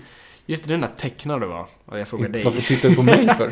Ja, jag tror den, gjorde, den kom nog, jag tror mellan uh, Batman Begins och Dark Knight som en animerad film, om det är den jag tänker på. Jag tycker den är kul. Den, det, är väl, det är typ Animatrix, fast med Batman. Matrix var inte så bra. Nej, och, den här, och det är det. Jag tycker inte heller den här är toppen. Men det finns en väldigt bra då två barn pratar om Batman och man ser liksom vad deras bild av Batman var och det är typ ett monster. För det är så han liksom ses av vanliga människor. Det är ganska cool. Det blir han ju när, när uh, Scarecrow får... Ja, men han är ju påverkad Scarecrow. av liksom sitt gift. Han ser ju ut som Lurch då i, så, från uh, Sagan ringen. Uruk-hai-ledaren. Ja, det gör han faktiskt. Mm. Mm. Ronny S. Mos. Eller Ronny Smoss. Ron, Ron Nysmos kanske. Mhm. Eh, eller Ron Nys Mos. Ron Mus... Okej, skitsamma. Eh, vad kan vara en bra ingång i Marvels serietidningar? Jag har hittills bara läst DC-serier. Tack. Det är en jättesvår fråga, för att det beror helt på vad du gillar för någonting. Men jag skulle göra så här. Det jag gjorde för att komma in i Marvel var så här: okej, vilka är mina favoritförfattare i DC? Och vilka hjältar är jag intresserad av? Så i mitt fall var det så här, ja men jag älskar Frank Miller. För det är typiskt att man gör det när man är 16, 15-16. Eh, så då sa jag, okej, men vad har Frank Miller gjort? Så, ah, Daredevil. Ja, men Daredevil är ganska intressant trots den där filmen. Men okej, men jag kollar upp Daredevil. Och så kollar jag Daredevil och så, åh, det här var ju skitbra. Och sen så gick jag vidare där och så såg jag också att, ah, Jeff Loeb och Tim Sale har också gjort en Daredevil. Mm, då kollar jag Daredevil. Alltså att man hittar dina författare snarare som du gillar. Och framförallt hjälten som du gillar. Så om, om du har några favorithjältar, du kan, du kan fråga till nästa gång. Eh, de hjältarna du gillar kanske jag kan guida dig lite bättre, men jag skulle, om du kollar, gör egen research, så kolla dina favoritförfattare, se vad de har gjort i Marvel. Robert Gesson. Ännu en gång, superbra podd. Jag är nyfiken på vad ni tycker om senaste Justice League-trailern. Om man törs tro någonting. Nyfiken också på vad ni tror plotten kommer vara. Fiender, etc. Mm. Alltså. DC är jättebra på trailers. och det säger ju tyvärr ingenting om vad filmen kommer vara. Lex Eh, Suicide Squad. Yes. Jag är lite, ja, det är en bra trailer, men när man kollar på liksom innehållet så blir jag lite nervös. För det är egentligen bara två scenerier. Det är liksom i tunnlarna och bland massa ruiner. Ja, uppe, nej men, ja, uppe brinner. på någon sån här lavaplanet. Ja, eller det, Camino det System. ser ju ut typ att vara typ så här. Ukraina har brunnit upp, alltså, så går- kan de bara gå loss där och spränga mycket som helst. Ja. Det, Ehm. det, det var inte jätteintressanta grejer. Det var, kändes mycket så här CG. Ja, det är väldigt mycket... Alltså, Zack Snyder sipprar igenom för varje film nu. Han var väldigt återhållsam i eh, Man of Steel. Och då var det ändå väldigt Zack Snyder-rikt. Han gick lite mer Zack Snyder, eller ganska mycket mer Sy- eh, Snyder på Batman vs Superman. Och sen nu verkar han gått full-blown med slow Men är det verkligen typ- han nu? Är det inte någon annan som har tagit över? Zack Snyder? Nej, det är- det är fortfarande han. Men vem är det? Var det inte någon annan som är pappa för DC-filmerna? Jeff Johns. Ja, Han är producent. jag trodde Zack Snyder hade liksom fasats ut. De vill, han har nog gjort det nu, men alltså han, gjorde, han skulle ju precis regissera Justice League när Batman vs Superman kom ut, så att de visste Ja, inte alltså. riktigt att den, Jävla skit. det mottagandet. Men jag eh, gillar Jason Momoa. jag älskar, alltså han, jag blev riktigt glad över hans Aquaman. Jag tyckte han verkligen satte den tonen perfekt. Dressed like a bat. I dig it. den var väldigt bra. Ehm, så det finns, absolut, jag gillar aspekter av det. Ehm, men jag är nervös för att scenerierna känns väldigt mycket bara smällar och datanimationer. Jo. Och väldigt så här, och det kommer ju vara, alltså... eh, det kommer ju vara en ansiktslös armé. I det här fallet kommer det vara Parademons. Parademons. Shit Bra. vad jag kan. Shit, du lär dig Viktor. Tack. Ehm, och de kommer ju man bara kunna döda hej vilt och vi kommer inte ha dåligt samvete för det. Men eh, ja, jag hoppas att det finns någonting mer. lite, lite hjärna och lite eh, emotionella grejer. Men eh, Born to be Wild är ju skurk, eller hur? Du... Okej, vad- okej, jag kan inte riktigt se vad, vänta, Born to be Wild. Vilka Ja, gjorde den låten? Steppenwolf. Är det de som gör Born to be Wild? Ja, Hmm. Ja, det är Steppenwolf. Så det ska bli intressant att se vad han spelar för roll. jag tror det i alla fall. Ja, det är Stepp... Eller jag vet, jag vet inte om det är de som har gjort Born to be Wild. Nej, nej, men alltså. Eh, det är väl han som är, för det ser man väl i, eh, Ja, ja, det är, ja, absolut. Det är han som kommer vara skurken. Och vi vet skådisen som ska spela honom, som är nu vars namn jag glömt bort. Han som var ledare av uh, Wildlings i eh, Game of Thrones. Inte Tormund. Nej, Ja, den andra. Ja, just det. Ja, han ja. mm, Han är snäll. han är snäll. Eh, Robert fortsätter här, eller Robert Gesson. Eh, vad tror ni om kommande Spider-Man-filmen? Har de fått till det nu? Ni är grymma, keep it up. Tack. Eh, tack. Tack så jättemycket. Um, Spiderman. Hmm. Alltså den nya, jag såg trailern och det sa, ja det är ju bra. Alltså det är inget nytt under solen. Alltså det är ju fortfarande en galen... Ingen, ingen förväntade sig det. Det är ju fortfarande en galen professor med eh, mycket teknik. Han är inte deformerad i alla fall. De visade för mycket. Ja, det gjorde de. Det har ju Nu- alla tropes. Nu har ju alla... Nu Ja, vet jag exakt vet precis vad som kommer hända. Så det, det som kommer hända, okej, spoilers nu, men det här är min konstruktion av det. För er som inte har sett trailern då, men får man gissar. Spiderman, superglad, jättehärlig efter Avengers. Tycker livet är superhärligt. Eh, träffar Birdman. Är lite för kaxig, tar lite vatten över huvudet. Den där båten som Mm. de då räddar. Och då ser man ju också att, det är, att Tony Stark kommer dit och räddar Tony Stark alla. Liksom. räddar, säger ej, du får inte ha den där dräkten längre, som han säger. Tar ifrån honom dräkten. Sen ser vi också att han har sin gamla dräkt på sig. Så det är slutet av akt två, så har han då den dräkten. Mhm. Troligtvis halvlycka, jo, han måste lyckas. För då kommer Tony Stark säga, vet du vad? Nu förtjänar du tillbaka dräkten. Och då får han tillbaka dräkten. Och vet du hur vi ser det? För nu har han de där webbvingarna under armarna. Japp. Så det är den nya dräkten med uppdateringar. Så det vi ser där i typ Washington DC är akt 3. Mm. Och när han var uppe på planet där så har han ju sin mellandräkt. Så att det är Precis, så uppenbart det är Vulture. slutet på andra akten. Ja, ja det är bra. Ehm, vi har här också från Gustav Kjellberg. Angående förra veckan. Eh, ni hade ett avsnitt där om tv-licens. Det var en kille, icke jurist, som blev jävligt trött på att betala tv-licens på grund av att han hade en dator. Han drev processen ensam, utan juridiskt biträde, enbart med vilja och blodlust. Högsta förvaltningsdomstolen meddelade i dom att man inte behövde betala tv-licens. Striden var vunnen. David besegrade Goliat. På frågan från media vad han skulle göra med licenspengarna han fick återbetalat svarade han Jag ska köpa en tv. True story. Och då, då ringde Sveriges Radio tillbaka och bara Hej, nu har du en TV, nu får du betala. Precis. vilken, eh, vilken hjälte. Ja, det här. Det är alltid kul och den lilla människan som slår tillbaka. Dave Vidda, apropå Rogue One, slash Force Awakens, slash Doctor Strange. Är Disney för fega? Eh, ja. jag tror, jag tror, Tack, tack eh, för din insiktsfulla analys. Nej, men eh, jag tror absolut Disney, Disney är för fega med Star Wars framförallt. Jag tror de bryr sig så mycket om Marvel. Marvel är sin egna lilla echo chamber. Jag tror Marvel är för fega. För att du, du, kan inte, du kan inte göra en Logan nu i Marvel. Och det är därför Doctor Strange blir en meh. Med, vi gör psykedeliskt så att folk fortfarande känner sig trygga. Och så fort vi gör någonting lite halvmodigt så drar vi in en, eh, en rolig referens som Beyoncé eller wifi. Så folk känner sig trygga. Åh, oh, okej. Oh, Ja, trygghet. Ja, trygghet. Njam, njam, njam, njam, njam. Eh, och jag är ju hundra på det här med Force Awakens, för det kommer ju den här bortklippta scenen. Har du sett den? Med Chewbacca och eh, Simon Pegg. Tror jag har han röck armarna av Han rycker armarna av honom. Då vi äntligen får se när Chewbacca rycker armarna som vi bara hört om och drömt om i våra vildaste drömmar. Och rycker av armarna så att Force Awakens också skulle ha, precis som man ska i alla Star Wars-filmer, en lem måste försvinna. Men där tror jag att Disney går in och säger bara mm, eh, Vi ska sälja leksaker på den här håriga, håriga hunden. Eh, vi kan inte ha att han sliter av armar av människor. Och Fast- där tror jag att Disney är i vägen. Unkar Plott Quoi? hette Simon Peggs karaktär. Jaha. mhm. Eh, Ja, kan du det i huvudet? ja, jag vet faktiskt inte. Jag blev lite förvirrad själv. Att Shit. Varför fastnade just den liksom? Mm. Eh, Admir Semanovic. Eh, vad tycker ni om att det finns konkurrens mellan DC och Marvel? Är det nyttigt eller förlorar vi nördar på det? Inget är ju uttalat såklart, men det finns. Men det finns. Eh, kanske är vi fans som har skapat det här. Jag tror inte det, i och med att vi hade en DC-regissör som sa “Fuck Marvel”. Ja, typ i stort sett. Konkurrens är alltid bra. Eh, det, är, det är inte fel på konkurrensen. Det är Vadå i stort sett? Han sa ju det. är- ja, ja, jag vet. Eh, men, eh, men det är fel på fansen.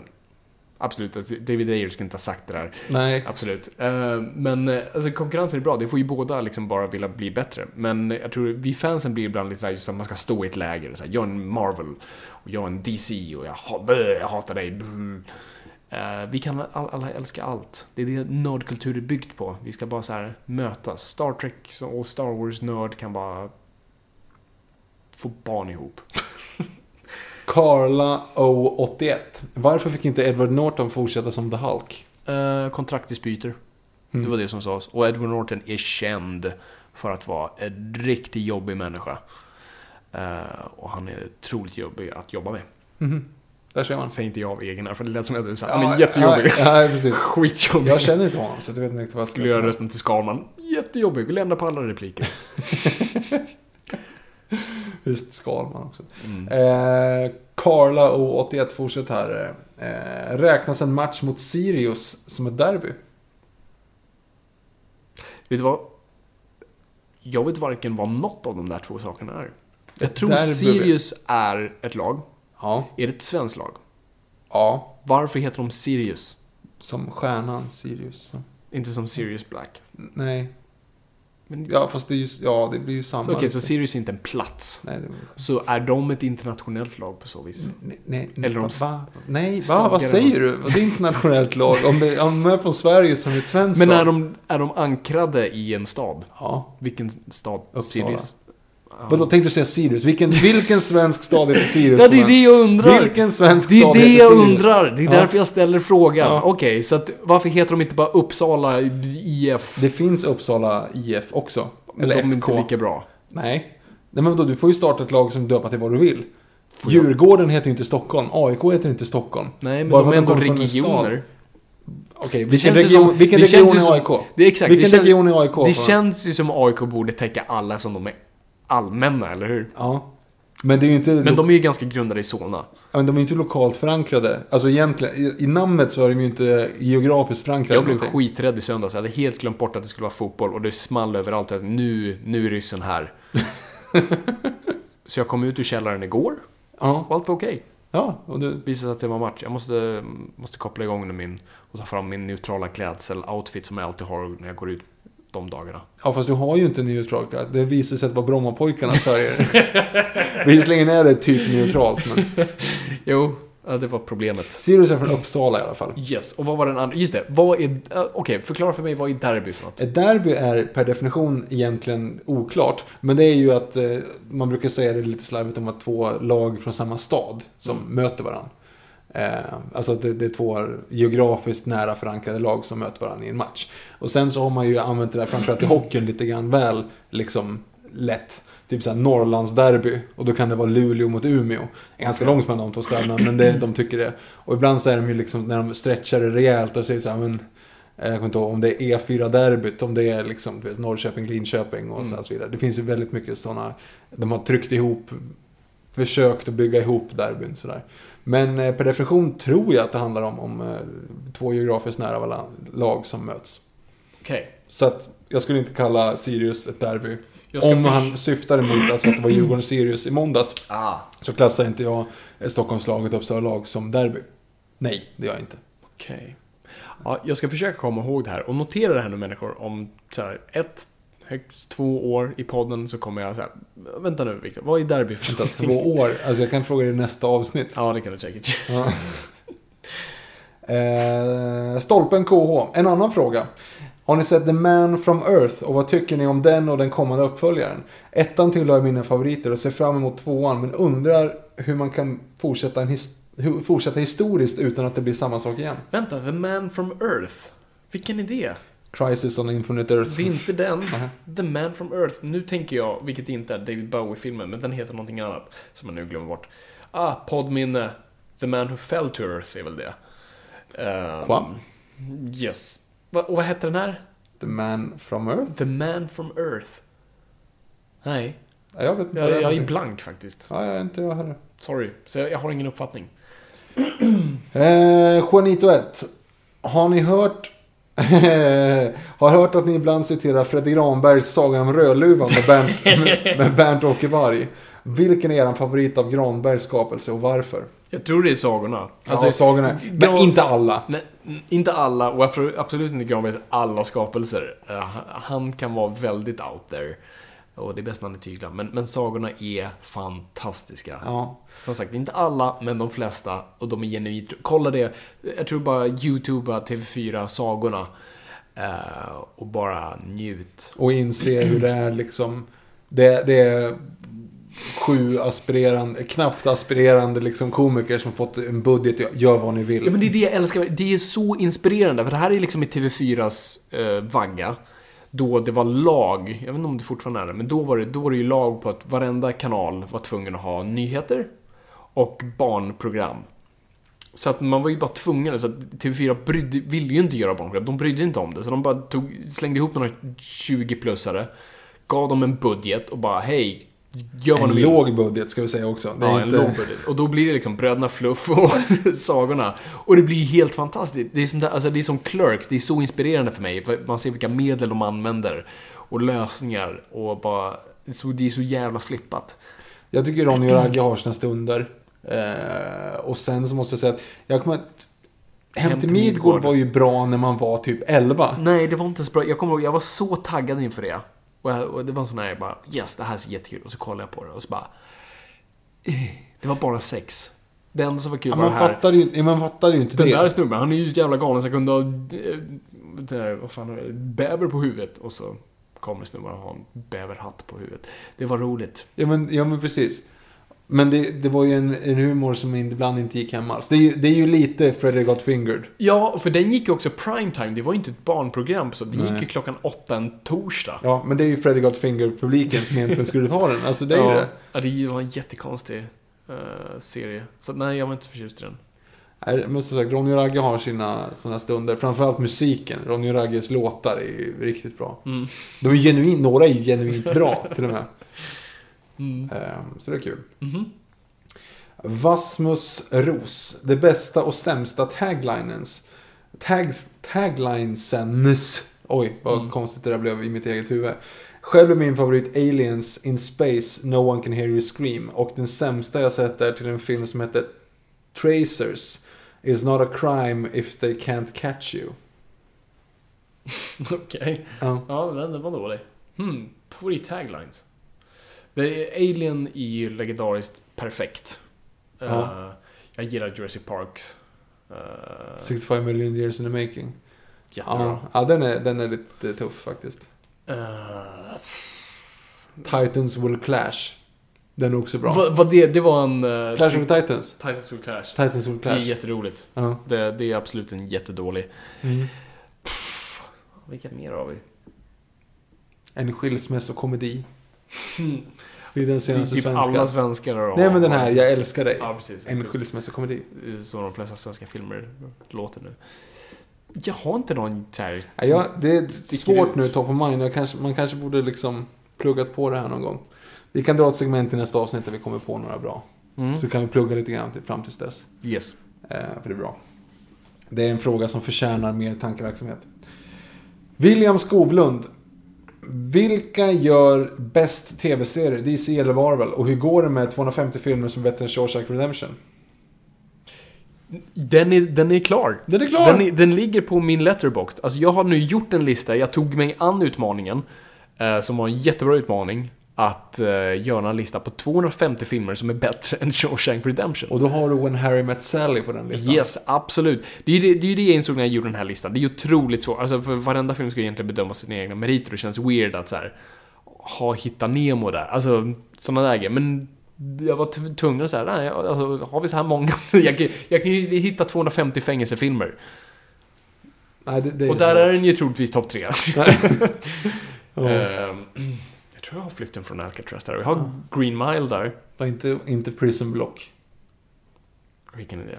Vi har pratat om det här ganska många gånger i den här filmen. Det var ju The Animal. Som hade, med Wing Rames, som Mhm. hade premiär i USA, som inte hade premiär i Sverige. Mm. Och sen gick den bra, så då släppte de The Animal 2. Eh, och då gick den upp, eller gick den till DVD då. Ja. På, släpptes på DVD i Sverige. Men eftersom The Prison Break då var jättestort så döpte Mm. de om den från Animal 2 till Prison Block. Och jag hyrde ju den tillsammans med en kompis. Hade ingen aning om att det fanns en Animal 1. Eh, och så helt plötsligt var det massa såhär, vänta, vem är det där? Varför ska vi veta vem det där är? Och så, där är hans son. Vänta, hur hör de ihop? Vad har han gjort egentligen? Jag fattar ingenting. Då visade det att det var en uppföljare. Bara att de hade inte sålt in det i Sverige. Och det här är typ 2005. Så Jag att, saknade den perioden så jävla mycket när man bara kunde hyra filmer och inte hade någon aning om det. Ehm, ja, nej men så det finns på min letterboxd. Uh, jag heter Mr Nordlander. Bara i ett svep, ja, eller hur. Ehm, så där kan ni hitta mig. Och så följ mig där. Jag ska försöka vara mer aktiv nu. Försöker, här, för jag försöker så här, bedöma film, så jag kollar på listor, men det är ju bara bra listor. Så nu har jag typ hur många fyror som helst, vilket inte alls representerar eh, du, du, din pessimism eller Ja, nej, typ faktiskt. Så att eh, jag, jag vet inte var jag hittar dåliga listor någonstans. Eller dåliga, så här, mellan, jag vill bara, jag vill få, få in alla filmer. Jag, mm. Men, Följ Fabian på Twitter så hittar ni alla hans listor och alla ja, jag har länkat pratar på om. Twitter, så att eh, kolla där. Eh, vad var första frågan? Där. Vilka är bäst tv-serier, DC eller Marvel? Uh, det är en svår grej. För Netflix-mässigt så är Marvel så här, oslagbar. Alltså Daredevil skulle jag säga är en av de bästa, en av mina favoritserier någonsin. Här, av tv-serier, ever. Eh, men sen på Network så har ju Marvel inte gjort så här kanske underverk med Agents of Shield och sen har de inte gjort så mycket mer. Och nu räknar jag inte med Fox och Legion och allt sånt där. Så DC klår ju de där ganska hårt. Med Flash och Arrow och Supergirl. Supergirl. ehm, där de gör riktigt bra saker. I sin egna liksom, genre i sitt CW-universum. Så att, ja, ja, det är svårt alltså. De, de, de tar det på varsin sida. Vi avslutar här med Riedelman. Det här är faktiskt helt fantastiskt. Alright. Okej. Ehm, Riedelman säger. Yes. ehm, I förra avsnittet sa Viktor att 9-11 var 2011. och Fabian hakade på. Sen reagerar Fabian direkt när Viktor missar årtalet på Jurassic Park. Åh nej. Det där tycker jag sammanfattar den här podden väldigt bra. Ja, faktiskt. Ta inte någonting ifrån oss rent historiskt. Eller kontextuellt, utan bara nördgrejerna kan ni i alla fall Ja, precis. förhoppningsvis lita på oss Ja. med. Gud vad roligt. Det går inte att beskriva kärleken till er. Åh vad snällt. Dagens fråga blir ju vad ni tycker bäst. Dagens fråga blir ju vad tycker ni är bäst med Noipod? PS. Fabian, du får ge Viktor en styrkekram. Jag antar att det också är en referens till att Djurgården förlorat igår. Säkert. Förlåt, vad var frågan? vad tycker ni är bäst med Noipod? Vad vi tycker är bäst med Ja. ja. podd? Eh, jag tycker det är bäst för att det, jag, jag tvingas hålla på så med att jag måste um- umgås med dig nästan en gång i veckan. Ja, det är liksom, det det- blir oavsett det är- vad. Ja, precis. Ja, det är en bra, bra schemalagt. Liksom. Ja, precis. För det Ja. är liksom i, i ett hektiskt vuxenliv så får man ju inte lika mycket chans att träffa vänner. Så det är kul så här. Vi måste ses och göra det här. Och ingen kan ju så här. Nej, du får inte gå och spela in på... Alltså, det är en sak vi Nej, gör. vi måste göra det. Ja, precis. Eh, jag håller med, självklart. Eh, det är också väldigt dubbelbottnat. För att, inte som att det är dubbelbottnat negativt, men någonting som är ännu mer fantastiskt. För att, let's face it, vi hade haft varandra även utan podden. Eh, men det är att folk hör av sig. Och det finns, det är en sjukt mäktig känsla. Att dels när man lägger upp avsnitten, att få de här reaktionerna. Även se siffrorna när folk lyssnar och veta att det sitter folk där ute som typ är intresserade av vad vi säger. Vilket är helt overkligt. Men framförallt när ni hör av er. Som ni har gjort nu. Vi hade liksom, vad hade vi? 30 frågor på Instagram. Det är helt sjukt egentligen. Det hade vi inte alls kunnat ens eh, tänka oss för eh, två år sedan. Alla som röstade Svenska podcastpriset, alla som hör av på daglig basis, alla som använder hashtag Noipod. Vi är så kära i er allihop. Tack så jättemycket för att ni lyssnar. Och eh, ni är bäst i världen. Det är det bästa med Noipod. Jag, jag kan inte annat än att bara stämma in i körsång här. Och nu också när man har sett så här att det är några som vet, återkommande ställer frågor, eh, alltså typ varje vecka. Det är, Ni är en del av våra liv på ett väldigt häftigt sätt. Ja, absolut. Definitivt. Så tack för det. Tack för er. Ja, tack så jättemycket. Var det alla frågor? Det var alla frågor. Jag vill bara återkoppla till frågan i början här om, om hjältar som, som dödar. Mm. Och jag, jag, kommer, jag är fortfarande helt blank. Jag kommer bara... The Wolverine i alla fall. Wolverine är ju ganska... Ja, just det, han, ja. Verkligen eye for an eye. Så att eh, där har du en. Det är fortfarande bara i Marvel. Alltså det finns ju DC. Alltså... Mm. Fan. Ja, den är, den är svår. Jag, jag, Det är säkert folk som skriker nu in i sina ja. hörlurar. Hör av er på hashtag Noipod med mördande hjältar, eye for an eye grejen. Och det räknas inte skurkar, så Deadshot är inte en hjälte. Japp. Såna grejer. ja, just det. det är Han inte. Han är skurk. Yes. Eller de säger att han är skurk. Mm. De säger att de är bad guys, men de visar aldrig. Nej, nej, just det. Man bara pratar om, pratar om det. Precis. Som nu gör Tom Hiddleston i Kong. Alright, är vi nöjda? Jag är jättenöjd. Ja, jag är, jag är verkligen supernöjd. Jag tycker att det här var ett väldigt eh, trevligt eh, samtal. Ja, och, och vill ni höra, alltså vad tyckte ni om intervjun? Uh, hör av er. Och vill ni att vi intervjuar fler? Har ni förslag? Har ni typ så här, har ni en kontakt? Har ni en mailadress till någon ni vill att vi intervjuar? Av hög kaliber. Jag tror inte vi vill intervjua era kompisar tyvärr. Det beror på vem man är Ja, kompisar med precis. Om, såklart. om er kompisar Mel Gibson, go for it. Mel Gibson, var det, var det top of mind? Det var det för, jag vet inte varför det var det första jag kom på. Just det vore Mel kul Gibson. att prata om med Mel Gibson. Ja, men Yes, yes, Fabian, ska vi rappa ihop det här? Ja, ja, verkligen. Eh, som vanligt, ni hittar oss på Twitter, Instagram, hashtag Noipod, at Noipod, at Fabian Blander, at Engberg Viktor. Eh, vi, vi går ut på Twitter om Picassos äventyr. Japp. Se om vi kan, jag ska se hur det ser ut. För att du, du behöver inte vara med eh, i Cinemateket för att eh, gå. För du betalar en lite högre kostnad om du inte är medlem. Så att eh, det går. Alla kan gå. Ja, förutsatt att du bor i Stockholm då såklart. Ja, Du behöver inte bo i Stockholm för att gå på Cinemateket, men du måste Nej, nej, vara i men- Stockholm när filmen börjar, annars är det svårt. Ja, jo, precis. Jag tror också Cinematek kanske finns i andra städer också. Jag tror inte det är exklusivt. Fast då, då är det inte med oss. Nej, då är det inte med oss. Det är ju, det, det är ju the trade-off liksom. Yay, jag får se Picassos äventyr, men typiskt, de har inte här. Ja, fast man får ändå se film, men jag känner som att det ändå kanske är det de ändå liksom siktar på. Mm, Se själva filmen, annars hade man ju kunnat gått på Comic Con. Det var dags. just det. Kommer, kom. Det är typ snart dags igen. Det är ett halvår kvar, är det inte? Nej, inte november. Nej, det är tidigare år va? Det är september. September till och med. Shit, Shit! shit, Shit. shit. Alright, ja men vi bommar igen där. Än en gång, tack så jättemycket eh, till Henrik Fexeus och eh, glöm inte att plocka upp hans bok, Det förlorade. Eh, det kommer jag göra i alla fall. Så att eh, vi tackar honom så jättemycket. Viktor, inget annat du vill säga? Jag tyckte det gick ut på en ganska bra not för typ en halvtimme sedan. Jag jag älskar alla som lyssnar på den här podden. Yes, Men vi börjar prata om Mel Gibson istället, så att... Eh, som man gör. Tack så jättemycket för att ni har lyssnat. Det är kul att vara lyssnad och kommer gott folk. Ingenting är för nördigt.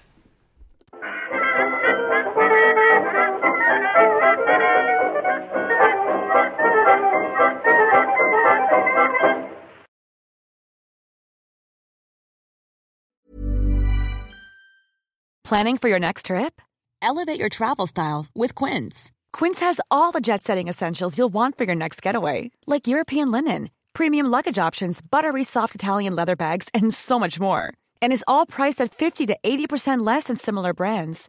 Plus, Quince only works with factories that use safe and ethical manufacturing practices. Pack your bags with high-quality essentials you'll be wearing for vacations to come with Quince. Go to quince.com slash pack for free shipping and 365-day returns. Hey, it's Paige DeSorbo from Giggly Squad. High quality fashion without the price tag. Say hello to Quince. I'm snagging high-end essentials like cozy cashmere sweaters, sleek leather jackets, fine jewelry, and so much more. With Quince being 50 to 80% less than similar brands. And they partner with factories that prioritize safe, ethical, and responsible manufacturing. I love that. Luxury quality within reach. Go to quince.com slash style to get free shipping and 365 day returns on your next order. Quince.com slash style.